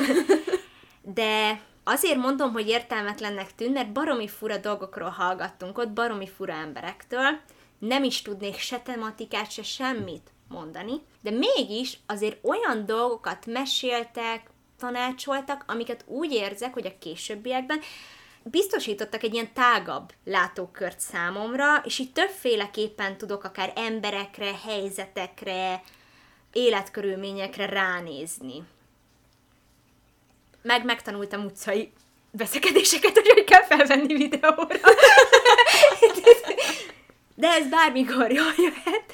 Úgyhogy talán tényleg ezeket a tárgyakat nevezném meg, amik nem, nem ilyen amik ilyen fantázia nevük volt. Mm-hmm. Nem tudnám őket másképp jellemezni, a fantázia nevű tárgyak arra voltak jók így a későbbiekben, hogy tényleg sok mindenre, sokkal több nézőpontból tudok ezeknek köszönhetően ránézni. Nekem egy volt, ami a, a hivatás és világkép volt, ami Igen. gyakorlatilag a gimis filozófia órának a az újra, újrajárása volt. Na, az, azt én merem azt mondani, hogy az értelmetlen volt, mert azt már egyszer hallottam. Nekem egyébként alapvetően az elméleti oktatással az volt a bajom, hogy nagyon elméleti volt. Tehát, hogy olyanok tartották nagy részt, akik nem dolgoztak akkor az adott szakterületen. És hogy ez érezhető volt, tehát amikor mondjuk olyanok tartottak előadást nekünk, mondjuk gyakdietből, akik az adott területen dolgoztak. A gyakorlati dietetikából. Igen, a, ami a fő tárgyunk a, Igen, egyébként. tehát a, a gyak diet, az a gyakorlati dietetika tantárgy. Bocsi, a, a, csak. Jogos. Tehát akik épp az adott területen dolgoztak, az annyira átjött, hogy ők ezt tudják, ők ezt értik, a gyakorlatban csinálják, és hogy nem egy ilyen tankönyvszagú elmélet volt. Tehát ez, én, én erre gondolnék leginkább, hogyha ha azt nézem, hogy mi volt az, ami mondjuk nem volt jó, vagy ami ne, nem volt olyan hasznos, mint lehetett volna. Igen, csak most már elkezdtem gondolkozni azon is, hogy ami értelmesnek tűnt, de annyira mégsem volt az. Az a baj, hogy rettenetes a memóriám ilyen téren, tehát már azt át kell gondolnom, hogy egyáltalán milyen, milyen tárgyaink voltak. voltak. Az a baj, hogy itt már majd, hogy nem megemlíteném például az anatómiát, amire soha nem volt azóta olyan részletekben szükségem, mint amennyire meg kellett tanulnunk, de mégsem tudom rá ezt mondani, mert attól még azzal én nem vesztettem, és soha nem lesz ez hátrányomra, hogy én ilyen részletesen megtanultam az anatómiát. Igen. Mert azért igenis vannak azok a helyzetek, amikor mondjuk nem jön rosszul, hogy nem csak nézek, mint hal a szatyorban, amikor mondjuk egy orvos beszél hozzám. Igen, meg nekem is például a sebészeten, oké, eleve a belgyógyászaton és a gasztron, azért nem volt mindegy, hogy tudom vagy sem, de sebészeten aztán végképp, mikor nézem, hogy akkor ezt vették ki, azt vették Persze. ki, mekkora részt vettek ki a bélből, ott mi szívódik föl, meg és, és akkor így az anat meg az élettan egyben, nagyon-nagyon sokat számít, hogy én ezt értem, hogy mi van leírva, vagy egy műtéti kiírást el tudok olvasni, és értem, hogy akkor ez milyen műtétet jelent, mit fognak csinálni a beteggel. Amit én el akartam mondani itt, és ezt nem tudom, hogy neked meséltem-e egyébként korábban, ugye volt nekünk ez a 60 élelmiszer. Ez a 60 élelmiszer azt jelenti, hogy gyakdieten, most már tudjátok, hogy a gyakorlati dietetikán volt egy beugró a vizsgákra. 60 él, meghatározott élelmiszernek kellett az energia meg a tápanyag tartalmát megtanulnunk, például, mit tudom én, mi volt, alma, rizs, kukorica, olasz felvágott, szalonna, étolaj, vaj, tehát alap banán, ilyesmi, amivel a leggyakrabban találkozik egy dietetikus, akár egy tanácsadás során. Igen, és ezt mind a, az, az összes fél évben ez volt a beugró a vizsgákra. És hát egyszer Instagramon én találkoztam egy dietetikus hallgatónak egy posztjával, aki épp szitta ezt a, a dolgot, tehát hogy nem tetszett neki, hogy ezt a 60 élelmiszert meg kell tanulni. És ugye nyilván ez így ide kapcsolódik, hogy hát értelmetlennek érzi, de egyébként ez mennyire hasznos dolog. Most a legutóbb például annyira jó volt az, hogy egy ázsiai kismamát kellett megtanácsolnom, mert terhességi cukorbeteg lett. És az volt a fő kérdése a tanácsadás után, hogy és akkor a kukorica, mert hogy ő nagyon sok kukoricát szokott enni. és annyira jó volt az, hogy a kukorica is benne volt ebben a 60 mm-hmm. élelmiszerben, és egyből, fejből rá tudtam vágni, hogy oké, okay, ennek ennyi a szénhidrát tartalma, akkor most itt helyben ki is számoltam neki, hogy az adott étkezésre mennyi főtt kukorica fog beleférni. Hány gram, és akkor azt egyből le is tudja mérni mert azért valamelyes voltak ugye nyelvi akadályaink is, tehát nehezen tudtam volna ott az alatt az idő alatt, így az első tanácsadásnál nagyon alaposan elmagyarázni neki, hogy akkor most egy kukoricának hogy számolja ki otthon a szénhidrát tartalmát, tehát egyszerű volt így első körben, gyorsan kiszámolni neki, és igen, szerintem sokkal hitelesebbnek tűnik, és nekem is sokkal gördülékenyebb volt így a tanácsadás, hogy egyből ott volt a fejemben a szénhidrát tartalma, és igen, egyből tudtam számolni vele. Igen, és szerintem egyébként, aki ezt egy negatívumnak vesz, és nem, nem tetszik neki, hogy ezt meg kell tanulni, az nagyon el van tévedve a, azzal kapcsolatban, hogy a gyakorlatban mi van. Tehát a gyakorlatban nem az fog történni, hogy te egy héttel előtte megkapod az étrendi naplót, és akkor van időt kiszámogatni programmal, meg mindennel, hogy akkor mennyi energiát, meg tápanyagot visz be az adott ember a, az étrendi napló alapján, hanem az lesz, hogy odajön, és kicsapja elét, hogy akkor nézd meg, és ott helyben szimultán hát, megnézed, és reagálsz Ha egyáltalán kicsapja az étrendi naplót, mert vagy kicsapja, vagy nem csapja ki, vagy olyat csap ki, amit te soha az életben nem fogsz beleírni semmilyen programba, mert csak ilyen itt-ott random dolgok le vannak irogatva, tehát igen, ez alapján kell leszűrni, vagy az alapján kell leszűrni, hogy hát amúgy én ezt meg ezt szoktam enni, meg hát tegnap azt hiszem ezt tettem. Igen, és akkor Helyben. meg kell becsülnöd, és nem, és nem lesz rá idő, hogy beírogasd ott egy gépbe, ameddig ott ül melletted a beteg, Főleg, hogy akkor hogy mi van. egy kórházban például nagyon nagy esélye nincs is melletted gép. Akkor épp. Vagy még szék Mert, se. Igen, vagy, vagy épp szék se, vagy egy asztal se. És amúgy is szerintem állati kellemetlen, hogyha az ember egy kicsit tapasztaltabb cukorbeteget tanácsol mondjuk, és ő jobban tudja, hogy miből mennyit ehet meg igen, tehát ezek olyan dolgok, amit szívás megtanulni, fölöslegesnek tűnik, magolásnak tűnik, de kell, és szükség van rá a igen, mindennapokban. És, és ezzel a 60 élelmiszerrel igazából kb. bármilyen étrendi napot tudunk értelmezni. Meg erről jut eszembe, még ami szerintem ilyen akár néha értelmetlennek tűnhetett, az ezek a tankonyha gyakorlatok. Tehát amikor bizonyos ételeket meg kellett főzni, meg kellett kóstolni és ezek is olyan dolgok, amik igen fontosak. Ja, és nem csak ez, hanem ételkészítési technológiából nekünk fejből meg kellett tanulnunk recepteket. Ez például akkor kifejezetten értelmetlennek tűnt, azt hiszem, de azért nem esküdnék meg rá, mert nagyon rossz volt, nem tudok jól magolni, de az alapján, hogy nagyon sokszor helyben, tanácsadásnál vagy át kell beszélni egy beteggel, hogy az megszokott mód helyett hogyan készítsen el egy ételt. Vagy csak ő mond egy ételt, és akkor az alapján nekünk tudnunk kéne, hogy mi és hogy kerül bele, hogy eheti vagy nem eheti. Igen, nagyon nagy szükség van rá, hogy a legalapvetőbb ételeket tudja az ember, hogy miből, hogy mint készül, és hogyan, átala, hogyan lehet átalakítani. Igen, és itt tényleg úgy kell elképzelnetek, hogy egyrészt volt egy könyv tele receptekkel, és mindegyik századagra volt kiszabva, Igen. meg utána volt olyan is, ami meg mindegyik egy adagra volt kiszabva, és ezt nekünk mindent meg kellett tanulni, plusz külön óráink voltak, hogy megtanultuk, hogy mi az a rántás, milyen, hányféle rántás van, hogy lehet diétásan megcsinálni, melyik diétába melyik fajta passzol bele, mi az a habarás, tehát hogy ilyeneket mi ennyire részletekbe menően tanultunk, mert így tudjuk átalakítani az adott receptet Igen. az adott betegnek. Igen, tehát ezek olyan dolgok, amik, amik végül is ilyen feleslegesnek tűnhettek, meg amikor külön ételkészítési technológiából tanultunk a, húsokról, halakról, tésztákról. Igen, meg a húsrészekről, és akkor mint a hentesnél Igen. ki volt téve a rajz, hogy akkor a sertésnek melyik részét hogy hívják. És ez fölös, és ez például belegondolva értelmetlennek tűnt, de igen, hogyha meg kell tanácsolni egy tegyük föl hasnyálmirigy beteget, akkor baromira nem mindegy, hogy ismerem-e a húsrészeket, vagy nem. Szóval sajnos sokat kell tanulni, és a legtöbb dolognak van értelme is, Szóval még jobban, még többet kell tanulni, így első igen. körben. És Ö, szeretni kell. És igen. akkor azt hiszem volt jó tanács. Volt is. egy, mindjárt keresem magát a kérdést. Igen. Milyen jó tanácsokkal látnátok el egy épp a képzést kezdőt? Hát, nulladikként azt mondtad, hogy fuss. Igen. Amikor először olvastuk ezt. Igen, fussatok bolondok. Igen, azt mondanám, hogyha nincs elég elhivatottság, akkor, akkor akár igen. Mert ahogy már mondtuk, nagyon sok nehézség van, nem lesztek elismerve, legalábbis jó ideig valószínűleg nem.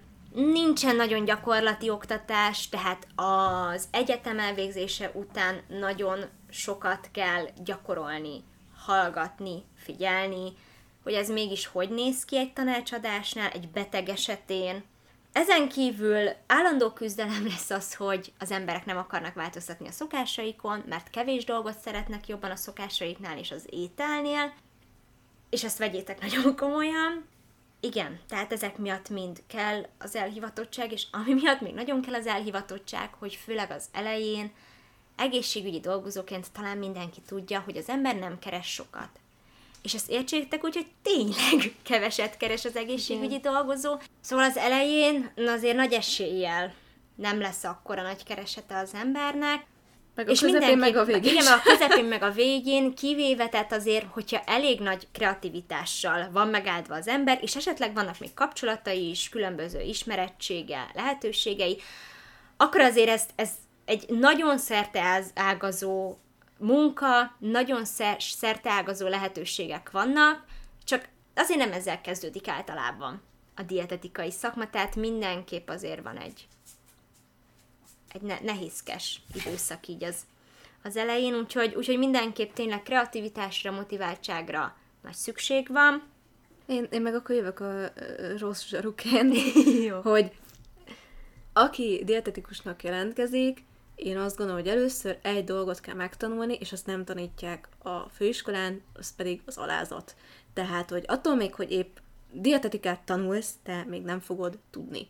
Mert épp tanulod, tehát ne, még nem tudod. Aztán, ha elvégezted, még akkor se tudod, mert utána meg nem, nem csak tanulod, hanem gyakorlod. Igen, és én, én teljesen kiborulok azoktól, akik első éves hallgatóként már mindenféle szakértőnek hirdetik magukat az interneten, és amúgy illegálisan étrendi tanácsadásokat tartanak, és még az életan se tudják, nemhogy a, a táplálkozást, és az ember minél többet tud, annál jobban látja, hogy mennyire keveset tud.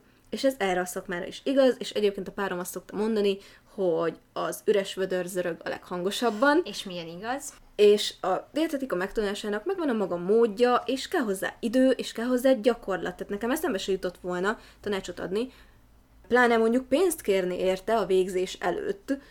Utána meg, amikor ott voltam, hogy oké, okay, megvan a diploma, akkor meg rájöttem, hogy mennyire fontos az, hogy lássam, hogy ez a gyakorlatban hogy működik, hogy hogy van a, a tudás átadása a betegnek. Mi az, amit tényleg el kell mondani, mi az, amit inkább nem kell, vagy nem úgy kell, ahogy mondjuk mi megtanultuk, mert hogy ennek megvan a módja, hogy egy beteggel hogy kommunikálsz, és a beteggel nem úgy kommunikálsz, ahogy a vizsgáztatóval kommunikálsz egy gyakorlati dietetika vizsgán, és nagyon-nagyon sokat kell figyelni a régebb óta dolgozó kollégákat.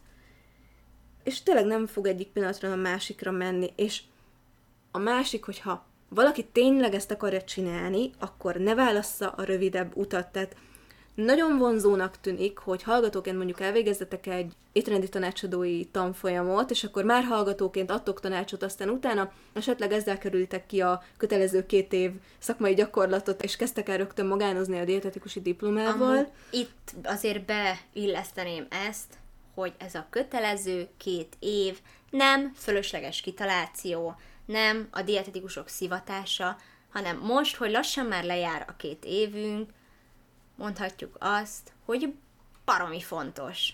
Annyi mindent alakultunk, tapasztaltunk, tanultunk, fejlődtünk szerintem ez alatt a gyakorlati időszak alatt, hogy ez valami elképesztő. Igen, és hogy mondjam, tehát van- vannak azok a dietetikusok, és ez nem, nem ellenük irányul, hanem egyszerűen csak így a, hogy mondjam, a, a szeparálódás ellen, akik ezeket a divatos dolgokat csinálják, és még életükben nem találkoztak rendes beteg emberrel, Tehát ezzel az úgy rendes beteg emberrel, akinek minden baja is van. és mondjuk pénze Tehát- sincs. Igen, tehát nincs pénze, öreg, egyedül lakik, alig tud lemenni a boltba, inzulinos cukorbeteg, veselégtelen, Köszvényes. és mondjuk még kapott egy sztrókot, tehát, és azt gondolná az ember, hogy ez ritka, nem. Ilyen az átlag kórházi beteg.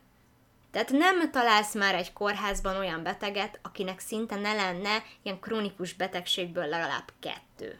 Igen, és nálunk is a sebészeten cukorbeteg, nagy Isten inzulinos is, köszvényes, mellette veselégtelen, és akkor megműtik.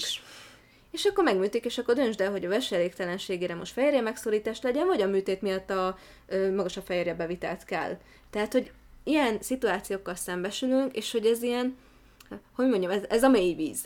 Míg a, az egyszerűbb dolgok, vagy hogy mondjam, a nem, nem ilyen multimorbid betegek, hogyha nagyon szépen akarom kifejezni magam, hogy az csak a, a, a sekélyesben a, az evickélés. És ez, ez kell, tehát egy, egy szakmai magabiztossághoz, Pontosan. hogyha egy ilyen beteg jön Meg hozzá, egy összetett, egy összetett gondolkodáshoz is ez kell. Meg hogy ez tényleg, tehát hogy ne, ne szűküljön be úgy az ember. Igen, és hogy az átlag Meg, ember az ö, ilyen-olyan superfoodokat Az átlag eszik. beteg, inzulinrezisztens, és minden superfoodot meg tud venni magának.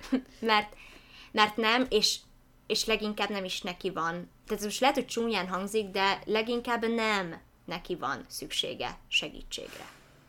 Ezt, ezt is így gondolom. Az alázatról jut még eszembe, hogy azt se felejtse el egy dietetikus, aki, nem, egy leendő dietetikus, aki, aki mondjuk most jelentkezik, hogy alázatosnak kell lenni a tudományjal szemben is. Tehát azért senki ne jelentkezzen dietetikusnak, hogy neki mindenről a saját semmire nem alapozott magán kis véleménye megvan, és elvégzi a dietetikát azért, hogy legyen róla papírja, aztán oszthassa a megalapozatlan kis gondolatait a nagyvilággal hivatalosan. Egyébként erről is csinálhatnánk külön Ilyet senki ne csináljon, mert ez minimum veszélyeztetés. Tehát nem, a tudománynak azért ott vannak a több éves kutatás, még akkor is, hogyha néha meghamisítanak egy kutatást, vagy bármi történik, akkor is a, az igazságot ezek közelítik meg a legjobban. Nem azt mondom, hogy ez az igazság, de az ilyen kutatások során kialakult eredmények közelítek, közelítik meg a leginkább az igazságot. Tehát ezzel szemben is igenis legyetek alázatosak, és fogadjátok el, hogy sok tapasztalat sokkal többet ér, sokkal többet számít, és sokkal igazabb, mint a ti saját véleményetek. Meg sokkal többet ér, és sokkal többet számít, mint az, hogy gyorsan a két év helyett én elvégzek egy tanácsadóit, és akkor rögtön magámban osztom az észt. Tehát először tényleg alázat, és tanuljatok nagyon-nagyon sokat, és ilyenkor, tehát hogyha ha ezeken a kiskapukon mentek, azzal a saját keményen dolgozó kollégáitokat, szakmatársaitokat köpitek szembe.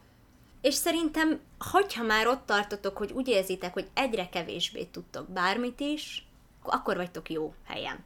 És akkor mentek jó irányba. Igen.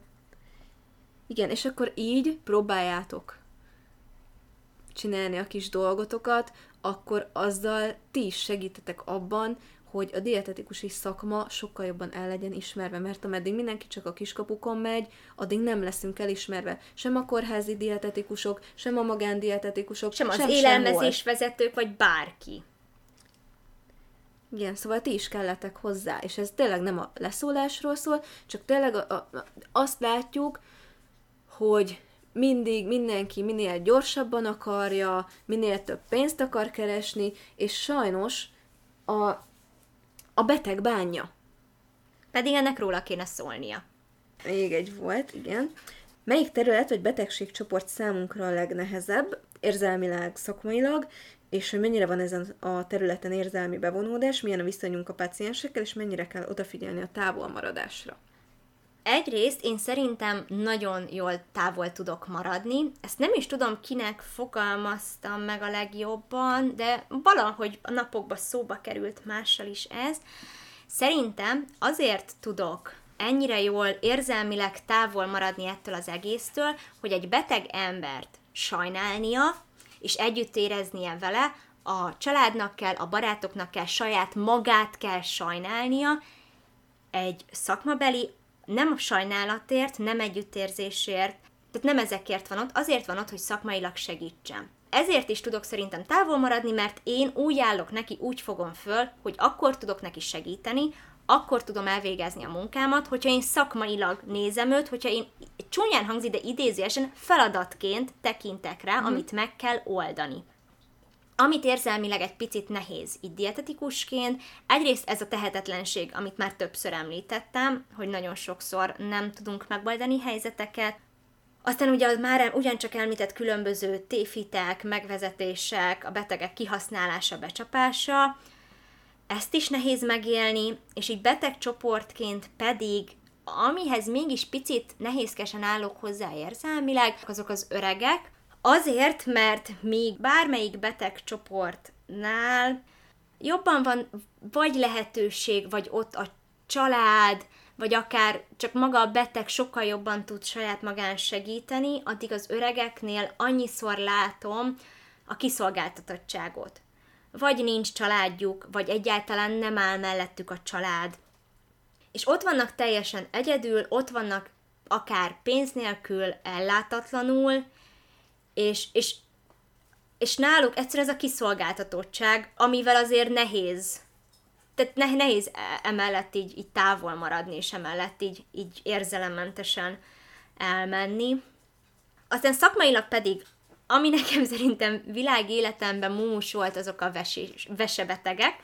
Bár azért mostanában nagyon sokat megtanácsoltam, és ezért rájöttem, hogy végül is megtanultam, hogy, hogy mit kell csinálni, át tudom gondolni, hogy mit kell csinálni, és személyre tudom szabni, úgyhogy azért nem olyan vészes, de, de szerintem attól még ez ilyen, ha más nem elméleti szinten mindig mumus marad. Másrészt, amit azért sokszor tényleg nehéz megoldani, azok ezek az összetett beteg, tehát az összetett betegek, akiknek tényleg nagyon sokféle betegségük van, hiszen náluk nagyon gyakran el kell dönteni az embernek, hogy, hogy melyik ujjába harapjon. Mert nem tud minden betegséghez jó döntéseket hozni, hanem el kell dönteni, hogy melyik az a betegsége, aminél kisebb kárt teszek, hogyha nem felelek meg teljesen az adott betegségnek megfelelő étrendi ajánlásoknak. És akkor itt nagyon sokat kell ilyenkor mér- mérlegelni. Ez egyrészt nehéz szakmailag, másrészt viszont iszonyat érdekes, és nagyon pozitív kihívás, hogy na, akkor ezt most oldjam meg. Nekem a harmadik vagy a negyedik munkahetem volt az, amikor először láttam meghalni egy embert, mert mint nem úgy, hogy le volt takarva, hanem úgy konkrétan láttam, amikor meghalt. És én azt gondoltam, hogy ez lesz majd a, a legnehezebb része, de nem, tehát én, mint kiderült, ezeket egészen jól tudom ha helyén kezelni. Én... Hogy nem ez a legnehezebb része, hanem az, amikor mondjuk hetekig látod leépülni, és ugye én a belgyógyászaton elég sok ilyen esetet láttam, ugye nem lehetett áttenni krónikusra őket, és akkor ott hetekig ott voltak, és láttuk, hogy szépen lassan haladnak a meghalás felé. Tehát ez sokkal jobban megviselt, a, amit Meta is mondta, ez a tehetetlenség. Tehát tudom, mindenki tudta, hogy mondjuk meg fog halni az adott beteg, ő is tudta, hogy meg fog halni, jó esetben, de, de semmit nem lehetett tenni ellene. Én nekem egyébként ebből a szempontból a legnehezebb betegcsoport a, a gégerákosok, uh-huh. mert hogy őnekik ugye sokszor gégekanül van, és ugye nem tudnak beszélni. Igen. És én nem tudok ők... száról olvasni. Hát és ez egy borzalmas meg dolog. Ők, ők azért annyira tényleg nagyon sokszor ezek az iszonyat sovány, leromlott tápláltsági állapotú. Még a gép sem éri. Igen, tehát ez a, ez a, ez a rossz rájuk nézni. Igen. Sokszor, úgyhogy ezt mondjuk megértem teljesen. Igen, tehát ő, ő nekik adott esetben a, a lassú haldoklásuk az, ami mondjuk engem így érzelmileg uh-huh. a legjobban megviselt. Azért a sebészeten ilyennel nem találkozom, tehát ott az egy teljesen más dinamikájú hely. Tényleg a, a, a legrosszabb, vagy a leginkább nehéz esetek, azok a, a belgyógyászaton voltak uh-huh. ebből a szempontból, de, de tényleg én, én azt nagyon rosszul élem meg, amikor nem tudok egy beteggel kommunikálni rendesen, és hiába te tudom, hogy valami nem stimmel, tudom, hogy valami nem jó neki, de nem tudja elmondani úgy, uh-huh. hogy mhm. én azt megértsem. Úgyhogy nekem, nekem ez a, a legrosszabb. Egyébként én próbálom megtartani a távolságot, hogy én dietetikus vagyok, én nem állok rá tegeződni beteggel, egy-két kivétellel, de sokszor van az, hogyha mondjuk azt mondom, hogy hát ezt nem így kellene, és nem tetszik neki, amit mondok, akkor elkezd tegezni, mert csak azért, hogy bizonyítsa, hogy ő idősebb, felsőbb rendű nálam, és akkor én meg úgyse értek hozzá Egyszer egy cukorbetegnek mondtam, hogy nem, a hipózásra nem az a megoldás, hogy tejet iszunk, és még szőlőcukrot is eszünk, onnantól kezdve tegezett. Mert csak azért, hogy érezzem, hogy hol a helyem, hogy én ehhez nem értek, mert hát mindenki mást mond. Ki az a mindenki? Én vagyok a dietetikus, aki ért hozzá. Ki Igen. az a mindenki más? Hát mindenki. Igen. Konk- Ez egy szó szerint ilyenkor mindenki, és bárki, és akárki. Nekem, nekem ez az, ami, ami egy ilyen nagyon látványos dolog, és azt azért azonnal észreveszi az ember, mikor váltanak át ugye tegezésre.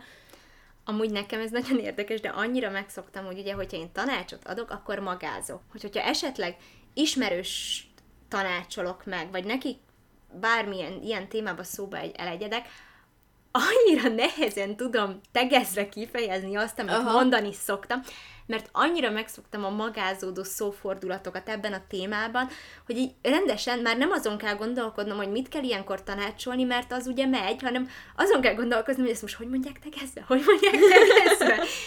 Tehát igen. Ami nekem úgy igazi szakmai kihívás, azok a multimorbid betegek, tehát amikor tényleg jön a veselégtelen, cukorbeteg, közfényes, egy vastagbéltumoros műtétre, amikor kiszedik mondjuk a félbelét, akkor azért el kell gondolkodni, hogy na most akkor ő neki hogy legyen a későbbiekben. Nyilván az orvos mi- mit mond? Na, könnyű vegyes. Tehát Igen. Ezért kell oda a dietetikus. Igen, és ami nagyon nagy nehézség ebben, hogy nincsen utánkövetés. Tehát egy műtét után tök jó lenne, hogyha a betegek, amikor jönnek mondjuk varratszedésre, vagy valamire, akkor benéznének hozzám, és elmondanak, hogy amúgy mit tudnak megenni, van-e valami, ami panaszt okoz, mert egy csomót tudnék segíteni. Vagy feltennék a kérdésüket, mert például én nagyon sokszor futok bele az onkológián úgy betegbe, hogy szerencsétlen betegnek akár már van olyan, akivel úgy találkozom, hogy három vagy négy hónapja volt a műtéte, és szerencsétlen még mindig pépeseket eszik, és alig eszik egy-két nyersanyagot, mert hogy neki azt mondták a műtét után, hogy ezt és ezt eheti, és nem merte azóta se bővíteni az étrendjét, és akkor én beszélem rá, hogy de nyugodtan, most már akkor kezdjük el bővíteni, és hogyan? Igen, de egyébként ebben sajnos benne van az is, hogy akit mondjuk visszahívok kontrollra, sokszor nem jön el. Tehát volt, hogy a folyosón találkoztam a beteggel. Tudtam, hogy hívtam, szóltam neki, hogy akkor, ha itt végzett a varratszedésen, jöjjön be, és akkor felmérjük, hogy egyébként ő neki most uh, milyen a test összetétele. Javult, romlott, és a többi. És nem jött be. Szépen Hát hazasúnyogott. Hát ez az, akit ugye nem lehet saját magától megmenteni. Igen. De ez, ez, ezt Csak- meg kell tanulnunk így úgy, úgy megélni, hogy jó, ez innentől kezdve viszont már az ő Ő felelőssége, és nem, felnőtt ember. igen, és akkor nem a mi hibá, Igen. hibánk, vagy tehát nem a mi hiányosságunk. Csak ugye hát sokszor magának a rendszernek a hibája, hogy nem jönnek vissza egy, Igen. egy, egy kontroll tanácsadásra, vagy egy, egy bármilyen állapot felmérésre. Tehát nekem ez így nehézség megélni, hogy nincs igazi visszajelzés, mert kikkel találkozok, aki mondjuk visszakerül Igen, Igen, meg, reoperációra, meg mert ami még azért jó. hiányosság, hogy ugyan általában a dietetikusoknál egy kórházi területen nagyon ritka, hogy le, lenne rendes elektronikus dokumentáció. És ugye azért ez is számít szerintem ilyen téren. A- Ami még itt kérdés volt, hogy milyen a viszonyunk a páciensekkel. Én, én próbálok egyébként mindig nagyon kedvesen, meg lelkesen közeledni feléjük, és még hogyha fáradt vagyok, akkor is úgy oda menni, hogy igen, ennek a betegnek én most segítek, de, de hát sokszor ők ebből ugye nem kérnek. Igen, tehát ne nem tudnék ilyet mondani, hogy most ilyen a viszonyom, vagy olyan a viszonyom, hanem ez teljes mértékben mindig a két emberem múlik. Hogy épp milyen az az adott beteg, mennyire közreműködő, milyen állapotban van, milyen kedvében van. Tehát teljesen változó. De igyekszünk. Igen, ez semmi más nem tudunk emelni, csak azt, hogy igyekszünk. Hát akkor ezután a maratoni rész után egyrészt köszönjük szépen, most is, hogy meghallgattatok minket, másrészt pedig akkor a Jenny elmondja még a fontos tudnivalókat. Ugye, ha már így elmondtuk mindenféle nagy szívfájdalmunkat, akkor az elmondott információk alapján tovább tudjátok osztani a részeinket, és Igen, akkor de- mindenkinek jó lesz. Először egy szolgálati közlemény, hogy most elmegyünk egy hét Szabira, tehát a következő epizód az nem egy hét, hanem kettő hét múlva várható, de már nagyjából kitaláltuk, hogy ezt az augusztus-szeptember-októberi időszakot milyen témákkal szeretnénk feltölteni, és nagyon-nagyon izgalmasnak tűnnek így első körben, úgyhogy már nagyon várom, hogy elkezdjük őket csinálni, meg utána nézni a dolgoknak. Megint lesz egy vendégünk, de őről még nem árulok el egyéb információt, de ez a ti kértétek rovatunkba majd bele fog férni, és, és már nagyon-nagyon várjuk őt is. És mindeznek ellenére, hogy ennyi nehézségünk van, szerintem mind a ketten imádjuk ezt csinálni, és a podcastot is imádjuk csinálni, ez tart fent minket így a víztetején. igen. Na és akkor jöjjenek a szokásos tudnivalók. Ahogy már említettük az epizódban párszor, van egy Facebook oldalunk, az Ebédszünet Podcast hitelesen a táplálkozásról, ahol ugye mindig meg szoktuk osztani a legújabb részeket, vagy hogyha bármi segédanyagot, vagy ilyesmit sikerül összehoznunk, akkor azt is, és maga a Facebook oldal azért jó, mert innen bárki más tovább tudja osztani, meg tudja osztani a bejegyzéseket az ismerőseivel, a saját Facebook oldalán, a bármilyen más platformján. Korábban egyébként megosztottunk már egy képet ezen az oldalon, azzal kapcsolatban, hogy hogyan tudtok támogatni embereket, kisvállalkozásokat úgy, hogy közben pénzt nem fektettek az adott vállalkozásba, úgyhogy érdemes ezt a kis képet is megkeresni, és akkor ez alapján tudtak nekünk segíteni. Igen, fogadjátok meg a jó tanácsokat. és egyébként ez azért is jó, mert minél több emberhez eljutunk, annál több visszajelzést kapunk mi is, meg annál több témaötletet tudtok ti is beküldeni, hiszen ugye az lenne a cél, hogy olyan dolgokról beszéljünk, amik titeket is érdekelnek eleve, szóval ez ezért is jó, ez, ez mindenkinek jó. Van egy Facebook csoportunk, az ebédszünet, ahova három beugró kérdés megválaszolása után tudunk titeket beengedni, és többek között, hogyha valamikor fölmerül mondjuk az, hogy választatok ti témát, vagy úgy, mint ebben az epizódban lehetett kérdéseket feltenni, azt, azt mindig ide szoktuk kitenni, az ezzel kapcsolatos bejegyzéseket, és egyébként, hogyha mondjuk nektek van bármi témafelvetésetek, akkor nyugodtan írjatok egy bejegyzést, és akkor ott a kommentben meg tudjuk beszélni, vagy lesz belőle egy külön epizód. Van egy Instagramunk, az Ebédszünet Podcast, és van egy e-mail címünk is, az ebédszünetpodcast.gmail.com, ahova, hogyha bármi olyan kérdésetek van, amit mások előtt nem mertek föltenni, nyugodtan írhatok nekünk egy e-mailt. Köszönjük szépen, hogy végighallgattátok ezt a maratoni részt, veszek ez lett a leghosszabb epizódunk eddig. Találkozunk a következőben! Sziasztok! Sziasztok!